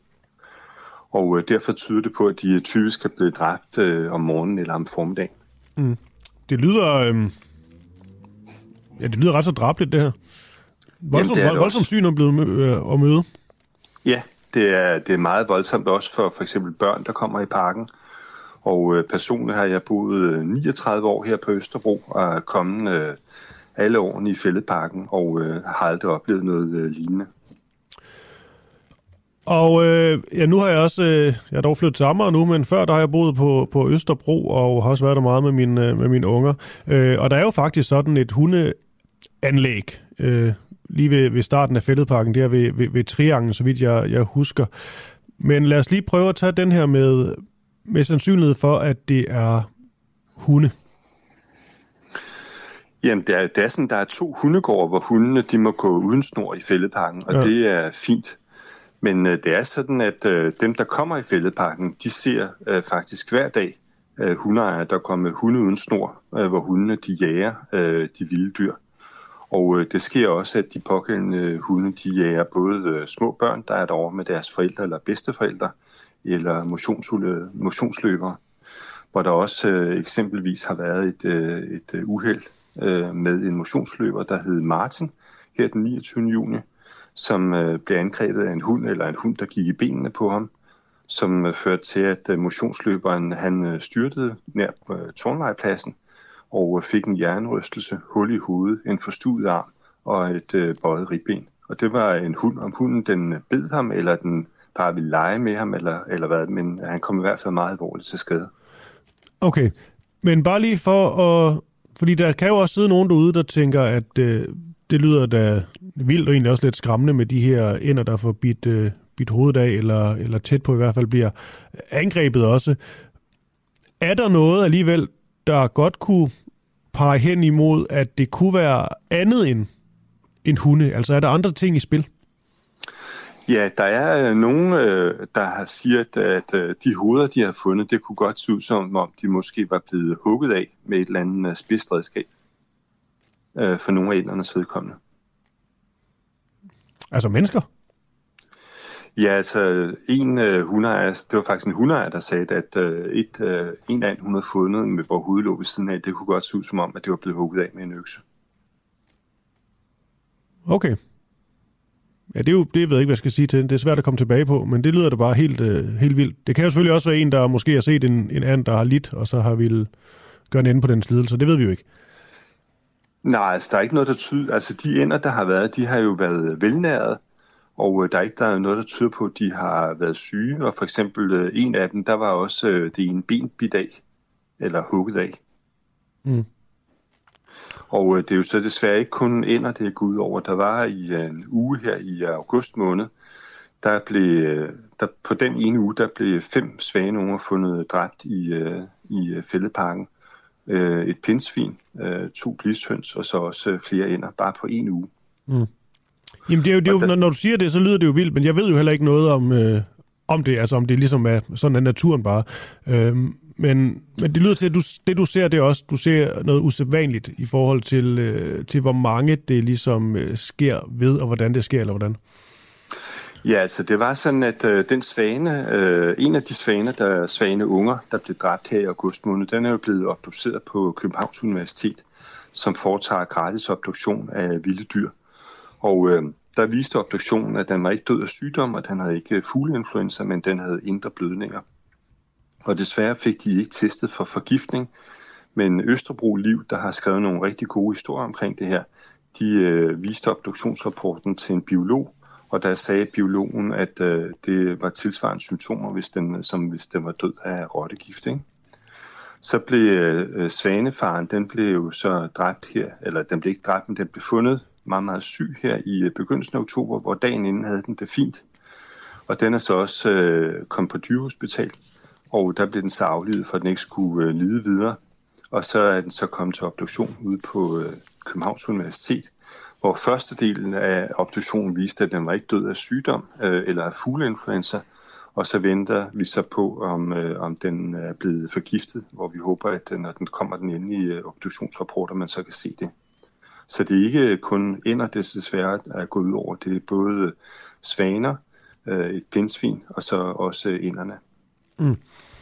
Man kan sige, at vi startede det her indslag med at ligesom fokusere på, øh, på hunde, og hvorvidt øh, sådan noget som, øh, som hunde uden øh, snor kunne være et, øh, selvfølgelig være et problem.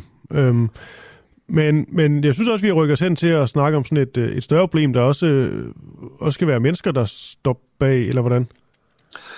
Ja, altså med hensyn til svanerne, øh, ja. der er døde i år, øh, så er alle svanerne jo desværre døde på nær en. Der er en tilbage i øh, fællesøen, og de ser ud til at være dræbt af, af mennesker. Ikke af hunde. Okay, men er det her, er det, det er bare lige, det er også en lytter, der skriver ind, øh, og det er jo ikke fordi, du skal være fuldstændig klar med, med tal fra, fra fældeparken, fra, øh, eller andre steder fra, fra et år tilbage, eller ti år tilbage, men spørgsmålet lyder på, er det her noget, der er et nyt fænomen, eller kunne man gå tre år tilbage i tiden og så se noget, noget lignende? Det er et nyt fænomen med, at der er så mange døde dyr. Mm. Problemet med løse hunde, det har været der i mange år.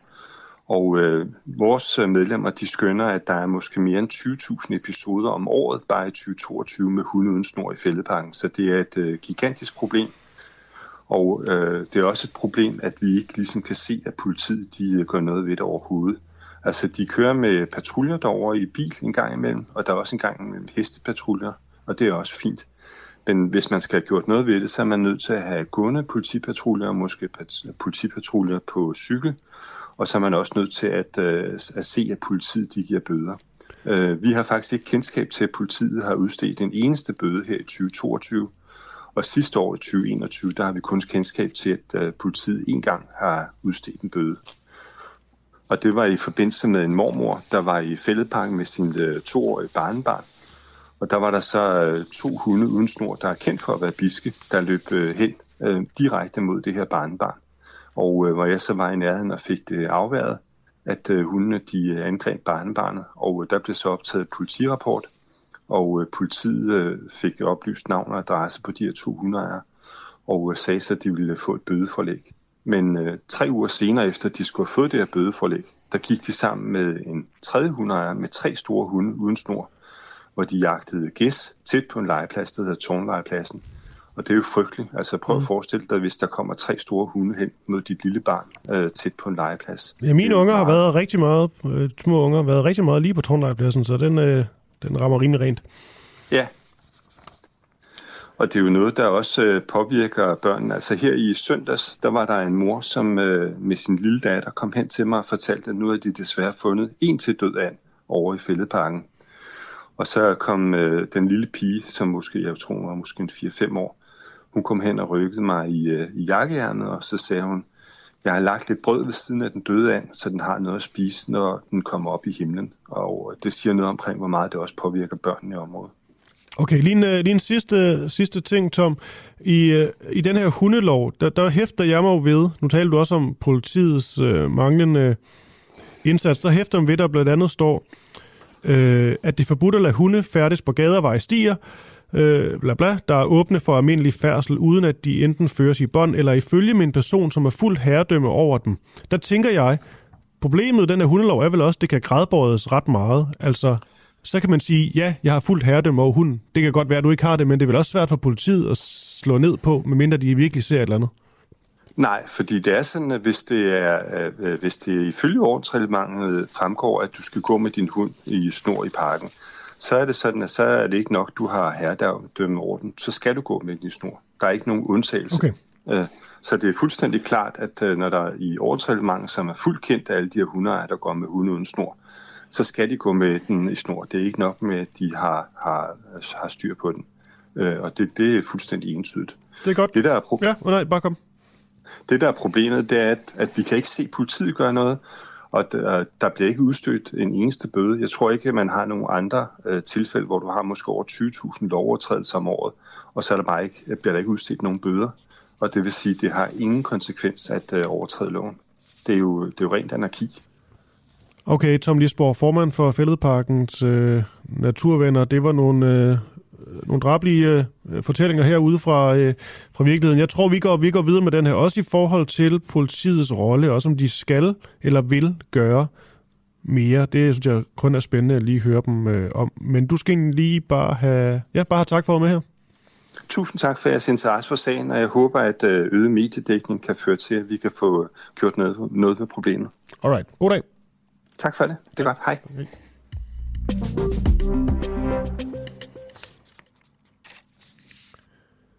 Hvad har Kongo-milits med Mette Frederiksen at gøre?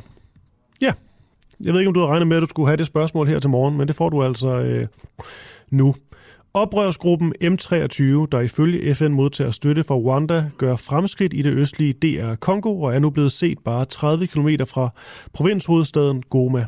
Konflikten her, den er også vigtig for os i Danmark. For kan Rwandas støtte til M23 få konsekvenser for et eventuelt dansk asylsamarbejde med Kagame? Det her, det skriver Oscar Rostein. Han er Afrika-journalist på Danwatch, og han skriver det her på, øh, på Twitter. Er du med, Oscar? Yes, jeg tror, du er med nu, Oscar Rothstein. Det er jeg. Godmorgen, godmorgen. Godmorgen. Vil du ikke lige øh, fortælle mig og lytterne om denne her i øh, citationstegn ejendomlige situation? Øhm, jo, det vil jeg gerne. Det er, altså, hvad skal man sige, den grundlæggende situation er, at der i øh, det østlige Kongo i rigtig, rigtig mange år har været øh, et, øh, et mylder af væbnede militante oprørsgrupper, der har bekriget den kongolesiske regeringshær. Øhm, og der har inden for øh, bare de seneste uger øh, været en opblussen af de her kampe øh, mellem øh, den kongolesiske her og så den specifikke rebelgruppe, der hedder M23, mm. som øh, har opereret i området siden øh, 2012 primært. Øh, det er en konflikt, som er ved at løbe fuldstændig ud af kontrol, og som har sendt rigtig, rigtig, rigtig mange mennesker på flugt og dræber rigtig mange civile. Øhm, så det er en konflikt, der har skabt stor regional bekymring i øh, det centrale Afrika og i Østafrika. Det ejendomlige består så i, at øh, det er kommet på tale her hen over de seneste måneder øh, på initiativ fra den tidligere kenyanske præsident Jomo Kenyatta, at indsætte den styrke, der hedder East African Standby Force, EASF. East African Standby Force er en sådan en fredsbevarende standby-styrke, det ligger i navnet, som er i regi af den afrikanske union. Der ligger fem af dem rundt omkring på kontinentet, men den her øh, i Østafrika, den har Danmark øh, støttet både øh, med træning og rådgivning, og også med, øh, med øh, millioner siden 2010. Øhm, og derfor så har vi potentielt, fordi så vidt øh, jeg ved, så er East African Standby Force ikke på jorden i Kongo. Men så har vi potentielt en situation, hvor en mangeårig dansk trænet, dansk støttet øh, øh, her træder ind i en konflikt, hvor de skal forsøge at dæmpe en rebelgruppe, der hedder M23, som så til gengæld er støttet af Rwanda, øh, som vi jo efterhånden har lært at kende som en, øh, en betroet dansk partner. Ja, men alligevel det her med, at øh, den her støtte fra Rwandas side, og så koble det til øh, Danmark og, og Mette Frederiksen og sådan noget, er det ikke lidt, lidt et stretch trods alt? Jo, jo, det er det 100 procent. Det er det 100 procent. Altså, der er jo ikke nogen direkte kobling overhovedet, men det er bare en sjov påmindelse mm. om, hvordan at dansk Afrikapolitik, øh, hvad skal man sige, har, lap, kan lappe ind over hinanden, og, øh, og, øh, og, og, og, og øh, det her kan være en anledning til ligesom at, at se, hvad vi, øh, hvad, vi, hvad vi laver rundt omkring på kontinentet. Jeg tror ikke, der er mange, der ved, at East African Standby mm-hmm. Force i mange år har modtaget dansk træning og danske millioner. Og det er der i sig selv ikke noget problem i øh, overhovedet. Altså, det, er en, øh, det er en fredsbevarende styrke, som man øh, fra dansk politisk side egentlig ret nemt kan argumentere for, øh, øh, har brug for støtte. Øh, det er bare en, en, en, en pussy situation potentielt, at vi, øh, at vi øh, at, at, at, at en ja, dansk trænet, mm. dansk støttede soldater skal bekæmpe en, en oprørsgruppe, som uh, Rwanda til gengæld ifølge FN og, og, og en række jagttager støtter, nu når Danmark og Rwanda er, er, er ved at finde hinanden.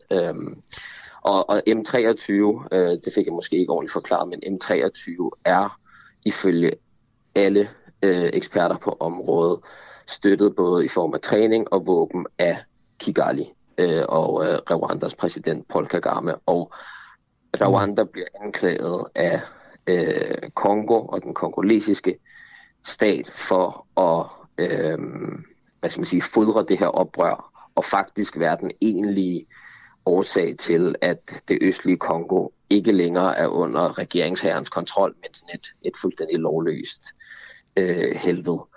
Mm. Øhm, og det, øh, og det øh, er så noget, der igen trækker trådet langt tilbage, helt tilbage til, til den rwandiske borgerkrig og folkemordet i, i midten af 90'erne og, og oprøret mellem Huti, og Tutsi, øh, Hutuger og Tutsier.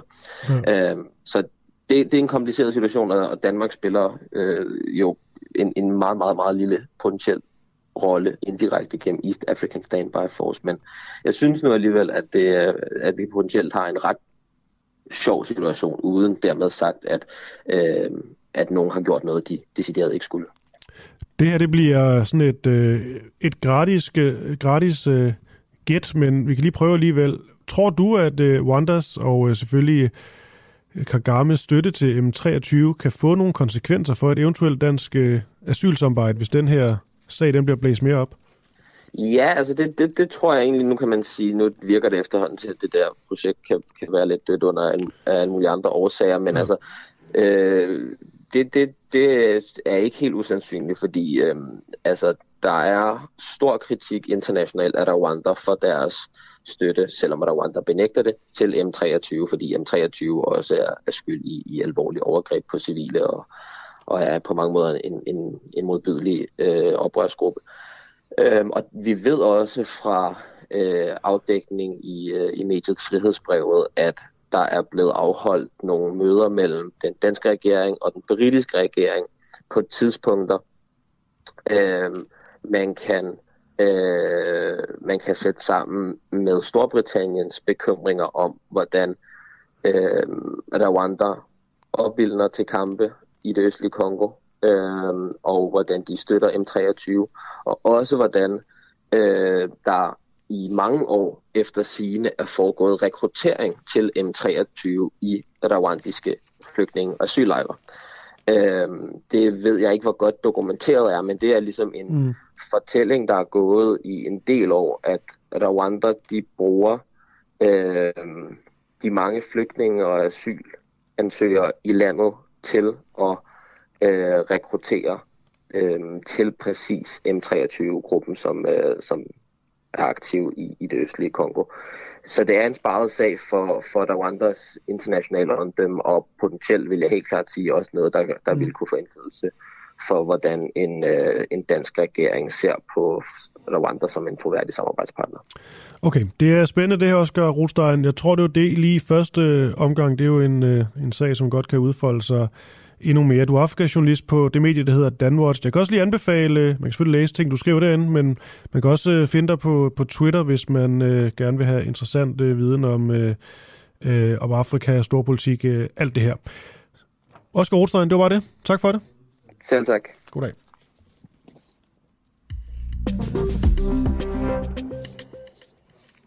Ja, det er sjældent, egentlig bare sådan sidder og anbefaler folk og deres øh, Twitter-konto, men, øh, men Oscars der, der står altså bare øh, rigtig mange øh, spændende ting om øh, afrikanske lande og ledere og militser, og hvad har vi, som man måske ikke ved det store om, eller så som måske heller ikke bliver mediedækket så meget, som det, øh, som det burde.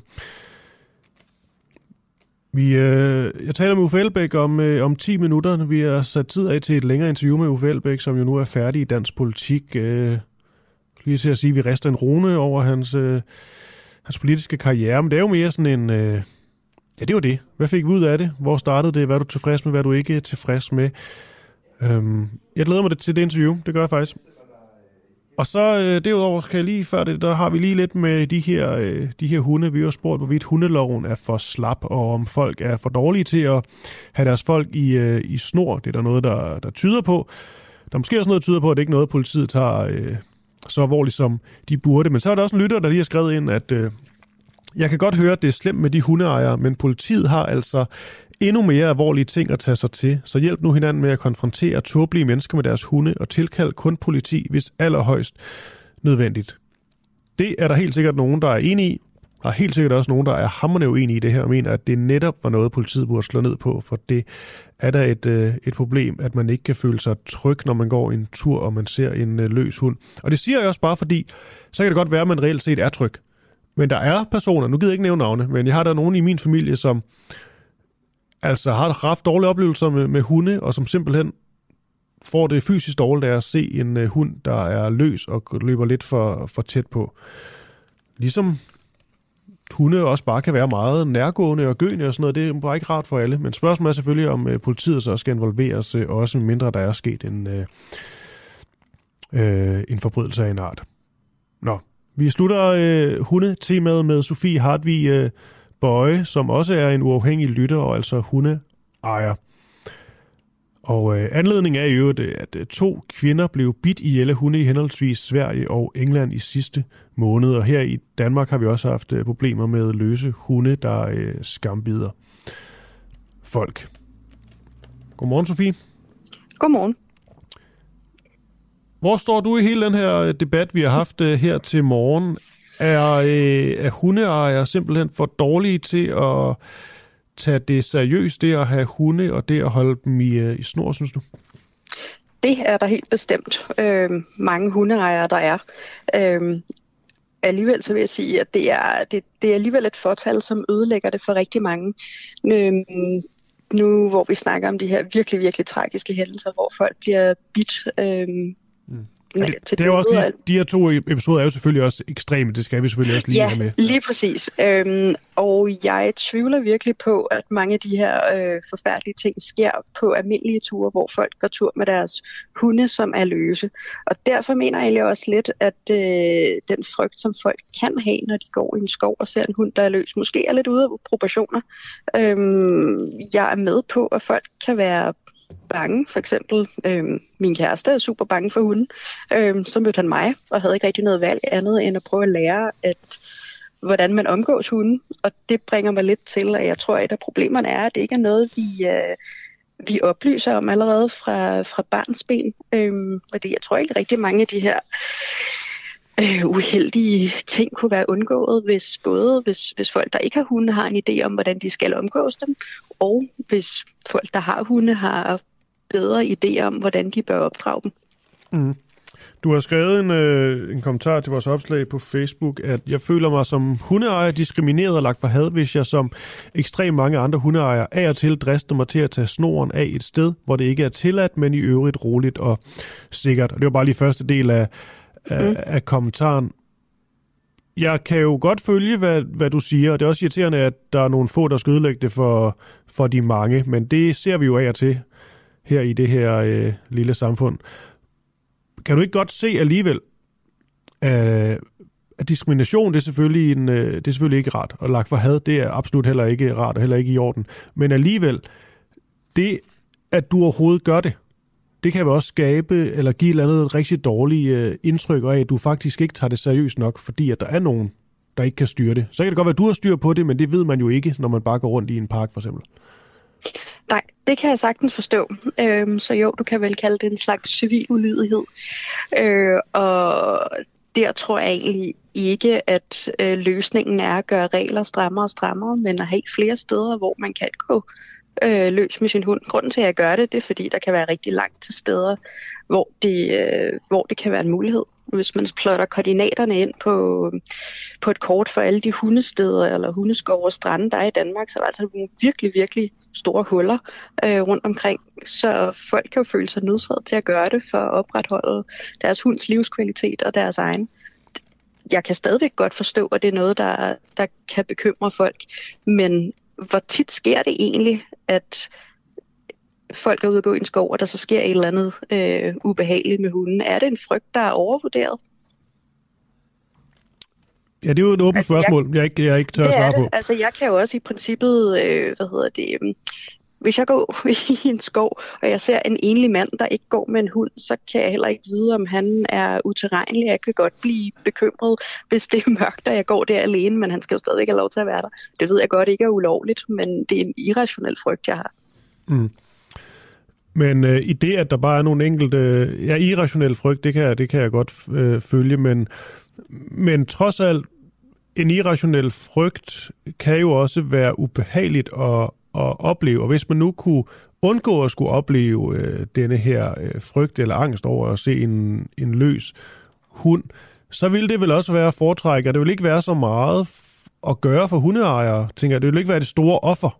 Altså, så må man jo finde de her hundeparker, og så slippe den øh, løs der.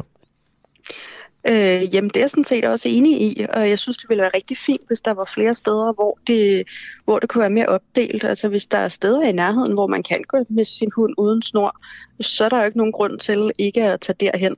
Der er jo nogle skove, hvor det er opdelt, sådan, så der er nogle lidt større områder, hvor man kan gå uden snor, hvor der er indhegnet, og så er der dele af skoven, hvor det, hvor det ikke er tilladt. Og så er det jo meget nemt at dele sig op efter, efter hvilken gruppe man, øh, man er i. Nu hedder jeg ham fra hvad hedder det, Naturvennerne. Ja, Tom Lisborg, ja. ja. Jeg har boet op og ned af Fælledparken i mange år og har gået der mange gange. Der er de to meget, meget små hundeindhegninger. Mm. Det skal lige sige, at jeg har aldrig gået med ham uden snor i Fælledparken, fordi det mener jeg ikke er forsvarligt. Øhm, men de her ekstremt små hunde, øh, hvad hedder det, hundegårde, de er bare heller ikke tilstrækkeligt. Hvis man lavede noget, der var bare en lille smule større, øh, hvor forholdene var bedre, så tror jeg altså også, at folk ville være meget mere tilbøjelige til at have respekt for, at der er folk, der ikke synes, det er fedt med løsgående hunde. Mm. Og det skal så også øh, stadig lige siges, at øh, i forhold til øh, de her øh, der er selvfølgelig også, det, det er jo en ting, det med, at, at folk ikke synes, det er, det er rart. Man nævnte også det her med ender, der får bidt hovedet af, og det er rigtigt, når man øh, ser lidt ind i det, der er rigtig meget, der tyder på, at det kunne være øh, øh, hunde, men vi skal også sige, at vi ved det faktisk ikke. Det kan jo også være en, en, en rev på spil, eller hvad ved jeg. Altså, det er bare lige for at have den med, selvfølgelig. Men, øh, men at, mener du så, at... Øh, nej, jeg faktisk gerne lige høre til sidst. Hvad er det, du har oplevet? Hvis vi nu bliver sådan helt konkrete af sådan ubehageligheder, for du siger det her med lagt for had, er det i kommentarer på Facebook eksempelvis, eller er det simpelthen ude i virkeligheden? Nogen, der råber det? Jamen, det er begge dele. For eksempel ja. var der en kommentar til, til Facebook-tråden, hvor der var en, der sagde, endelig sætter I øh, fokus på verdens værste mennesker, altså hundeejere. Det er godt nok ekstremt. Ja, det er, øh, det er, det, rigt, det er, det er rigtig dumt skrevet. Så, øh, så var der også en lytter, eller ikke en lytter, en, en der skrev til jer lige forlod, eller for lige en jeg kom på, om at man skal konfrontere tåbelige hundeejere. Det synes jeg sådan set også, man skal, fordi der er tåbelige hundeejere. Øhm, men hvornår er de det? Hvornår er det noget, hvor man er biased og, og synes, at alle hundeejere er tåbelige? Det kunne fx være sådan noget med, hvis jeg er ude at gå, og igen, jeg er godt klar over, at det i princippet ikke er tilladt. Men der kommer måske en gående 100 meter længere ned. Det ser jeg. Tager snor på. Øh, min lille, ikke særlig farligt udseende hund og vedkommende kan komme hen til mig og vrisse, at jeg skal have styr på min hund. Som, og, og de virker meget forudtaget om, at det har jeg i hvert fald ikke. Mm. Øh, så kan der være, det har jeg faktisk prøvet to gange, at stå med en pose i hånden og skulle til at samle op, og øh, vedkommende, som har set mig, kommer hen og råber til mig, at jeg skal samle op efter min hund. Igen, så ja, altså det, det er jo en underlig holdning, og jeg tror ikke, det er særlig konstruktivt, at at, at få skabt sådan en kløft mellem folk, der godt kan lide hunde og ikke kan. Altså, hvad, hvad, hvad, altså, hvad mener du her? Her var pointen, at du var i gang med at samle op, for det skal man ja. ja, okay. Bare lige en, ja, ja. Ja, bare, bare lige en, uh, en ting her til, uh, til aller, aller sidst, Sofie. Uh, der er lige kommet nogle beskeder ind fra lyttere, det er jo noget, folk går op i det her. Um, Grete skriver, hvor tit det sker, spørgsmålstegn, øh, at folk bliver bit. Det er fuldstændig ligegyldigt, man skal holde sin hund i snor. Mark skriver, hvis der ikke findes en hundepark, hvor du bor, skal du ikke beklage dig over, at du ikke kan slippe din hund løs. Du har valgt at snakke og anskaffe dig en hund under de omstændigheder. Det er ikke resten af samfundets problem. Det er skåret hårdt op af Mark her, men, øh, men kan du alligevel følge ham øh, et stykke hen ad vejen, at man jo ligesom godt ved, hvad man går ind til, når man anskaffer sig en hund? Øh, både ja og nej. Mm. Øhm, hvis man, hvis man skærer det så hårdt op, så jo, det, jeg kan godt forstå, hvad, hvad han mener. Øhm, på den anden side, så kan vi ikke rigtig underkende, hvor stor en livskvalitet det giver for mange mennesker af hund, og at der er 850.000 hunde i Danmark. Så hvis man ikke rigtig, altså vi, vi kan jo ikke lade være med at forholde os til, at det er en meget, meget stor befolkningsgruppe, og vi bliver nødt til at have nogle forhold for dem, som giver mening. Okay. Og det gør det ikke, når der ikke er nok steder. Og så fik du øh, også lige meldt, øh, meldt ud her, og også, synes jeg, nogle øh, konkrete, konstruktive øh, forslag. Sofie Hartvig øh, Bøje, det er en diskussion, der absolut ikke er, er død. Og jeg synes, det er nærmest, vi kan tage den op igen, så faktisk det er, det er rigtig øh, spændende der på mange parametre. Sofie Hartvig øh, Bøje, glad hundeejer, trods alt? Det, det er jeg, ja. Det er godt. Kan du have en fortsat god dag? I lige måde. Tak for det. Hej.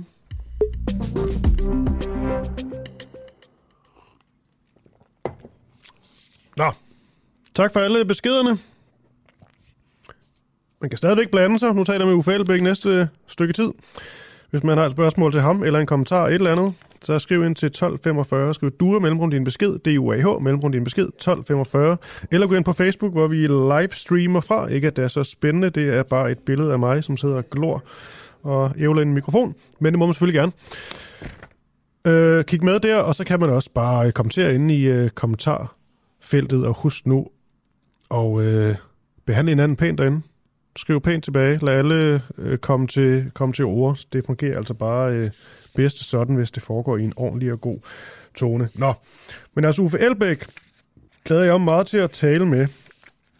Fordi det er jo på en eller anden måde øh, en meget, meget stor øh, figur i dansk politik. Også en kontroversiel skikkelse, som i den grad kan dele vandene. Men han er altså øh, færdig øh, nu. Nu synes jeg, det var, det var nok med det, så vidt jeg har forstået. Godmorgen, Uffe. Godmorgen, godmorgen. Da vi uh, talte sammen uh, inde på borgen, jeg tror det var i for, eller det var da der var forsvarsforbeholds uh, valg, så prøvede vi ligesom at presse dig til at sige, du kunne godt fortsætte. Men du var meget, du var meget klar på, at det kommer ikke til at ske, og så sagde du, at uh, nu skulle du finde mere tid til at, uh, jeg tror, sove længe og kysse mere på din mand. det, det har jeg garanteret sagt. ja. Det lød jo også meget rart alt sammen. Uh, nu er du ligesom... Uh, hvad skal man sige, vel to dage inde i din øh, politiske pension. Hvordan er det ja, gået? det kan man sige. Jamen, det er gået rigtig godt. Altså godt nok var jeg meget, meget, meget træt i går. Mm. For selvom jeg ikke øh, stillede op øh, ved det her valg, så har jeg trods alt brugt de sidste fire uger ude på kampagnesporet, kan man sige, ikke? Øh, og bakket øh, de lokale kandidater op for Alternativet. Så selvom jeg ikke øh, øh, selv var på, på stemmesedlen, så har jeg virkelig været ude på valgkamp. Så jeg var træt i går. Mm. Men ellers så, så står jeg her og kigger ud af mit vindue og kigger ud i min baghave og ser, øh, at der ligger rigtig mange æbler på øh, plænen lige nu. Så nu skal jeg ud og øh, tage æbler op, når jeg er færdig med at snakke med dig. Nå. Hvad skal du med de æbler?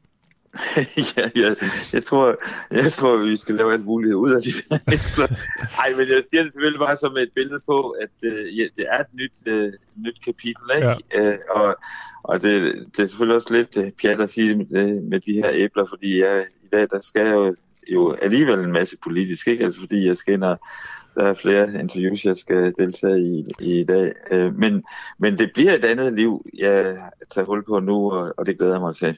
Ja, og det er jo også, også bare det med at få, når man har lavet en ting rigtig meget i sit liv, så finde andre ting at, at, at tage sig til. Jeg kan også huske, at min, øh, min mor gik på øh, pension. Der fik jeg nærmest stress ja. på hendes vegne, fordi at der gik jo ikke så længe, så var hun simpelthen tilmeldt samtlige klubber, der findes i den her ja. verden.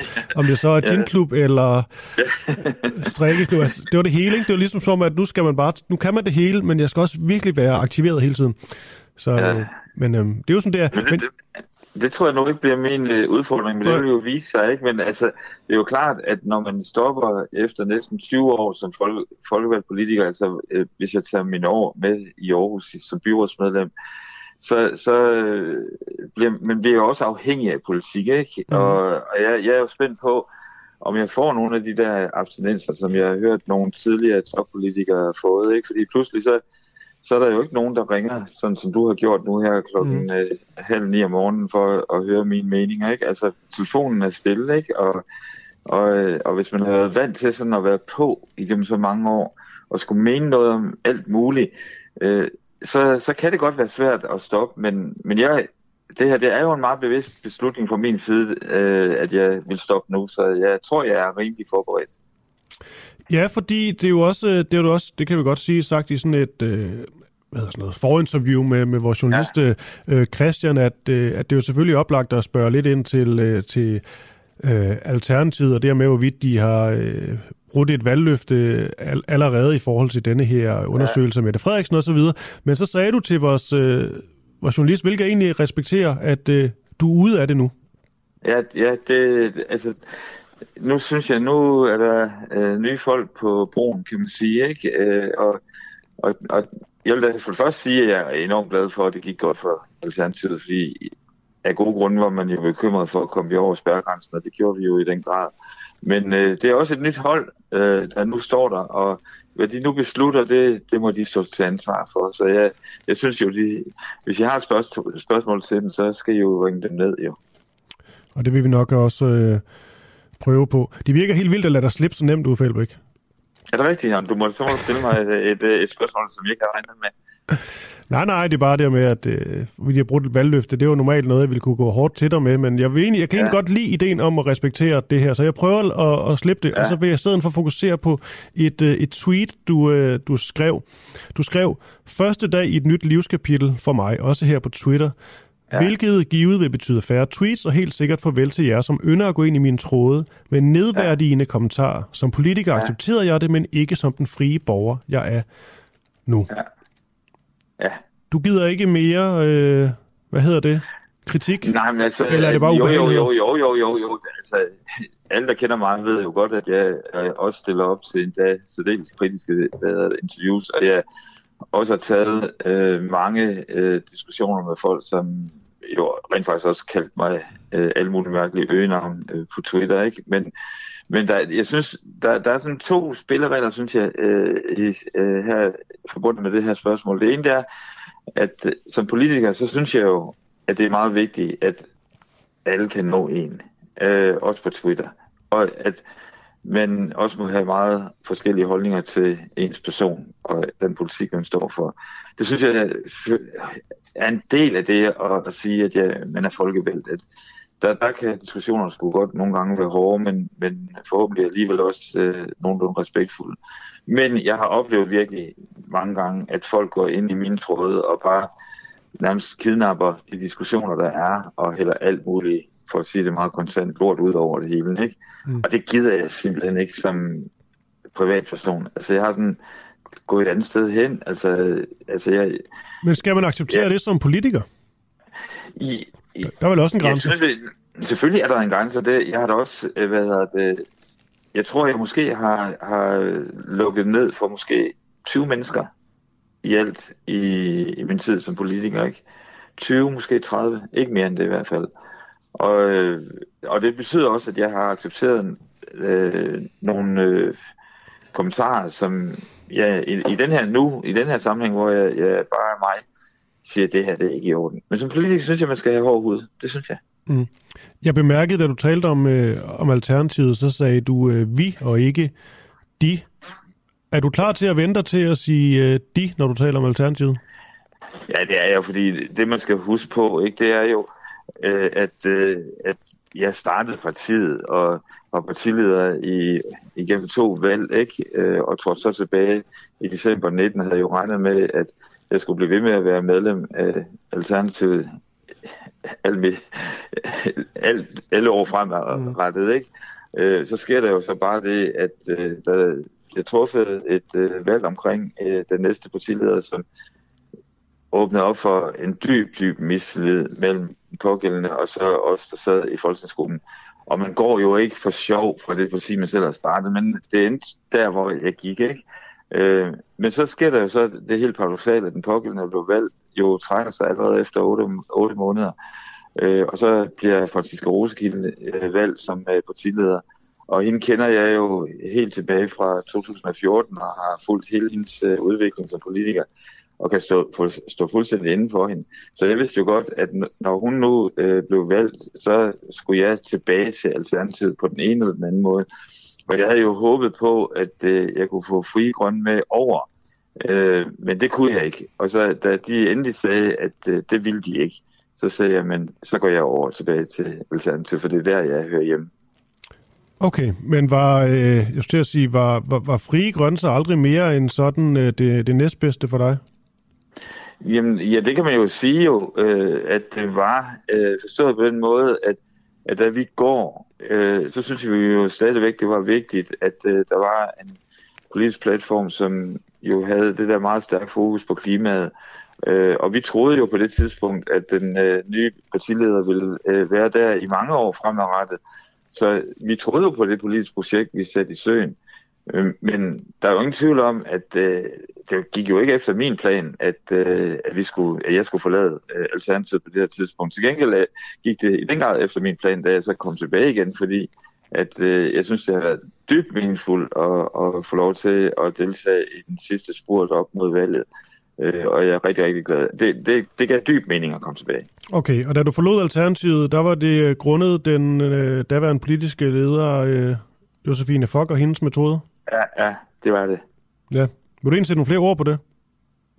Nej, jeg tror det er bare det, at, at øh, jeg er i hvert fald sådan en person, at jeg skal være stolt af dem, jeg står ved siden af, ikke? Øh, og jeg skal synes, at øh, de repræsenterer øh, det politiske projekt.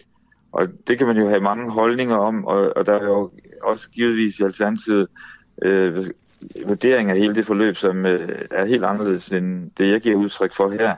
Men jeg, jeg synes, det var det helt forkerte valg, og vi havde en meget konfliktfyldt øh, forhistorie, som gjorde, at et samarbejde altså stort set ikke var umuligt, og det viser, at det var det heller ikke.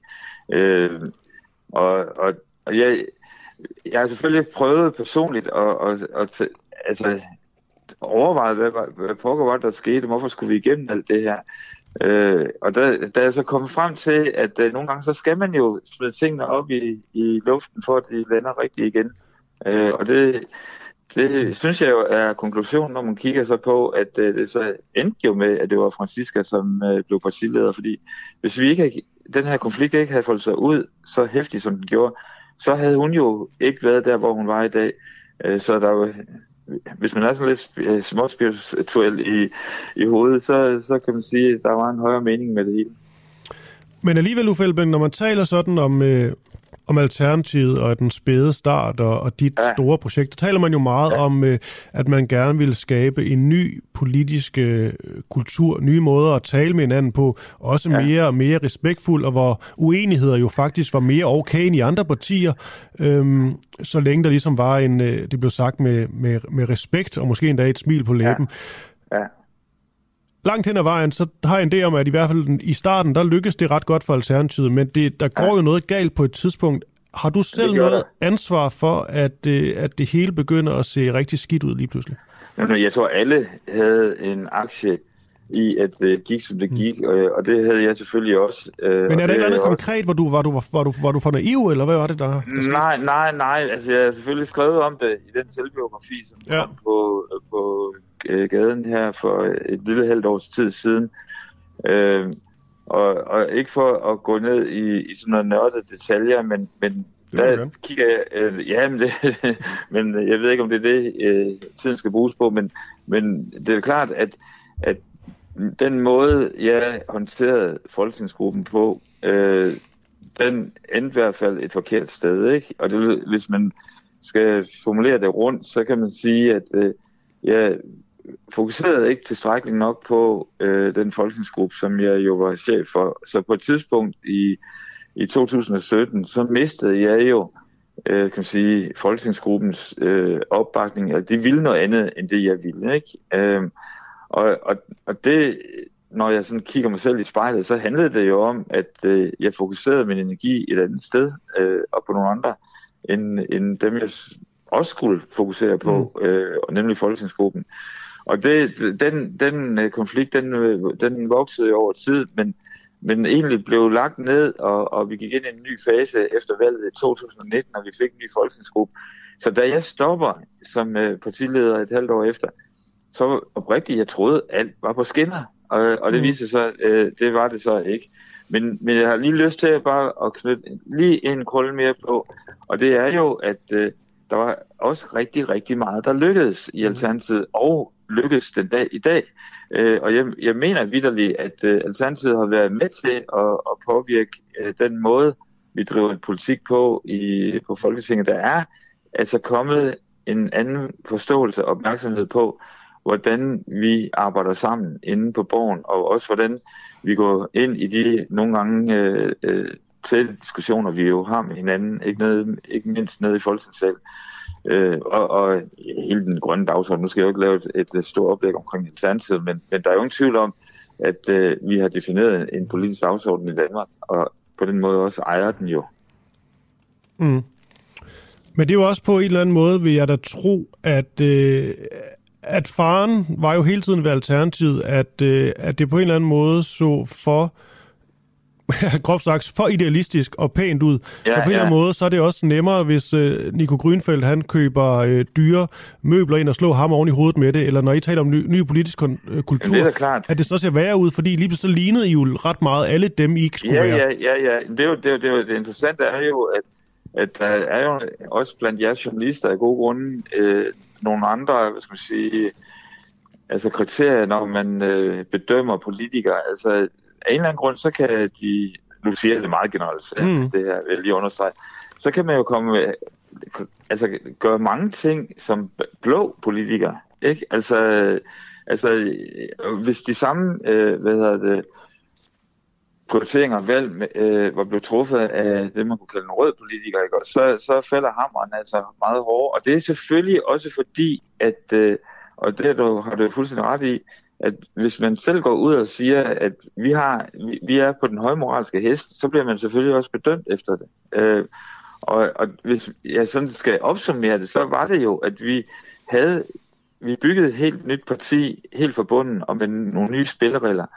Øh, så det man kan sige, at man byggede et helt nyt hus. Mm. Men de folk, der flyttede ind i huset, vi tog jo alle vores øh, gamle dramaer med derind, ikke? Øh, og uvaner, og gode vaner selvfølgelig også, men også uvaner.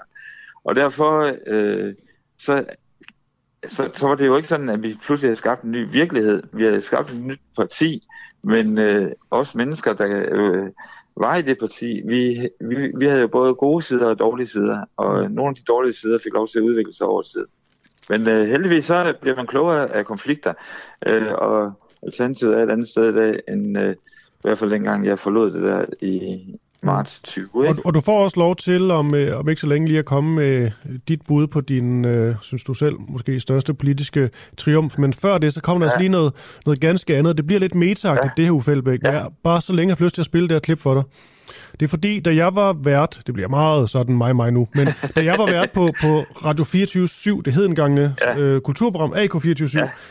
der øh, havde min øh, redaktør, Anders Christiansen, bemærket, at jeg havde en tendens til at blive sur ved at eller sådan irriteret på at se sådan nogle øh, sådan fællessangsvideoer eller fællesdansvideoer, ja. fordi jeg simpelthen har haft meget svært med det. Men han bemærkede ja. også, at jeg jo opsøgte.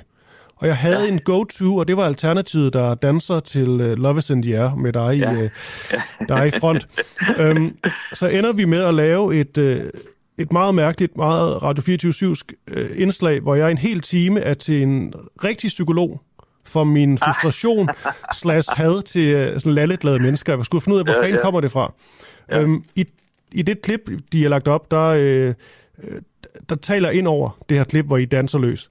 Ja. Øhm, og så lidt øh, bagefter noget, tror det er noget latter, latterklub. Jeg tænker bare lige at spille det for dig, bare lige for ja, sjov ja. skyld. Ja, ja. Øhm, det, det kommer her. Det jeg minder jo om en, om en sekt, og det er hvad det er. Men det er den der, den der fuldstændig lalleglade dansen til, til, altså jeg kan slet ikke når jeg ser en video der, det eneste, jeg tænker, er, hvor ville jeg gerne selv have været ham, der stod lige midten med krydset af arme og bare kiggede på de andre og tænkte, hvad fanden er det, du har gang i? Mm. Mm. Det er jo også forførende. Altså, du kan også blive væk i en gruppe. Og måske er der en del af dig, der er bange for at, at ligesom forsvinde væk ind i en gruppe. Hvad vil du hellere have, der skal være en del af din bevidsthed? Hvad længes du efter?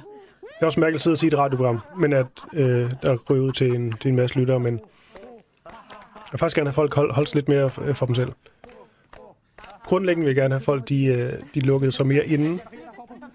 Læser flere bøger. Og hold deres kæft. Mm. Ja. Det, det er konge, det der, med. jeg vil så også sige, det er jo, altså, det er jo selvfølgelig et, øh, altså, det er jo hårdt, hårdt klippet til. Det er jo sådan en somi-klip, men, øh, ja, ja. men jeg fik faktisk helt ufattelig mange jeg tror aldrig, jeg lavede og det har jeg ikke noget. Jeg fik så mange reaktioner på, også positive reaktioner, folk, der skrev ja. bagom, som havde det ligesom mig. Men lad os lige tage det nu, Fældbæk. Den her, det her Love is in the Air-klip og fællesdans og fællessang, ja. kan du trods alt godt forstå, at der er nogle mennesker, der kan se det, og så bare sådan få det nærmest fysisk dårligt over det? Ja, det kan jeg da godt. Ja. Det kan jeg da godt. Øh, kan du ikke selv, altså, når du sådan ser, sådan genser det, hvor altså, tænker, hold kæft, hvor ser vi også? altså. Jo, ja, ja, både og, ikke? Ja. Fordi, at, øh, fordi at hele min ambition, da vi startede Alternativet, det var jo en, også en kritik af den måde, politiske partier er på ja. øh, for det meste, ikke? Øh, og at hold nu kæft, politik må fandme også godt være livsglæde. Øh, der, der hvor man, øh, jeg er jo også, og det tror det eller være, men jeg kan jo faktisk følge dig fuldstændig, at hvis, hvis det bliver for meget kult, mm. altså hvis, hvis, hvis det, altså bliver, det bliver en identitet, man tager på sig, øh, fordi at, at nu, nu er der et kæmpe, kæmpe fælles vi, og vi, vi, vi gør nøjagtigt sådan her, ikke? og vi skal være på mm. en bestemt måde, så reagerer jeg jo også negativt. Altså, det kan jeg heller ikke have. Øh, og, og for eksempel, og jeg ved ikke, om det er en dårlig sammenligning, men, men jeg er ikke særlig god til at tage på festivaler, for eksempel. Nej. Øh, og, og hvis øh, jeg endelig er, så står jeg ude i yderkanten og kigger ind. Altså, jeg skal ikke ind og være en del af det der store gruppedyr. Øh, og det kan lyde måske helt paradoxalt, øh, når jeg faktisk altid har deltaget og været en del af kollektiver. Jeg, jeg, jeg værdsætter virkelig fællesskabets øh, kraft. Mm. Øh, øh, og at det kan flytte øh, ja, både øh, organisationer, men også samfund, hvis vi træffer fælles beslutninger. Ikke? Øh, så det, øh, altså jeg kan sagtens forstå, at du måtte, på, øh, måtte til terapi Nej, men jeg tror også, at min øh, sådan, pointen var det, det var jo egentlig også det med, at jeg underligt nok ligesom øh, altså opsøgte det, som om der var en eller anden en del, der godt kunne lide at blive lidt irriteret og måske føle, øh, føle mig udenfor. Det tror jeg også var en af hendes, øh, hendes pointer. Men det er også ja, tænkt med, ja, det er tænkt med det her klip, det er jo også det med, i forhold til, til gruppedynamik. Jeg, jeg tænker bare nogle gange, at, at at nogle gange så kan det selvfølgelig være sundt at få, øh, altså man ligesom kommer ud med et eller andet, og man, man er fælles om et eller andet, og man, det er jo ikke, fordi det er usundt at smile, som jeg også gør for det her klip, men Nej. man tænker også bare, at dem, der måske ikke er helt med, de kan også blive trukket med ind i noget, de måske ikke synes var så sjovt. Det ved vi jo med gruppe, gruppedynamikker. Altså, ja, ja, ja, ja. Oplevede du nogensinde det i Alternativet, at der var nogen, der måske sagde ja til noget, de ikke havde lyst til? Det har jeg simpelthen svært ved at vurdere, ikke? Mm. Altså, øh, men altså, det ville da være underligt, hvis det, det ikke, at du ikke kunne finde en eller to eller tre eller fem, øh, der vil sige, at sådan var det.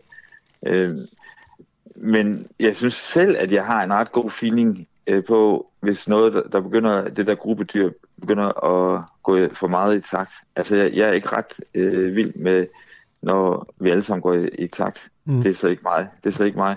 Men at danse, det er mig. Jeg, jeg, jeg, jeg, jeg, ja, synes, det er, det er mega, jeg synes, det er mega fedt at danse, altså.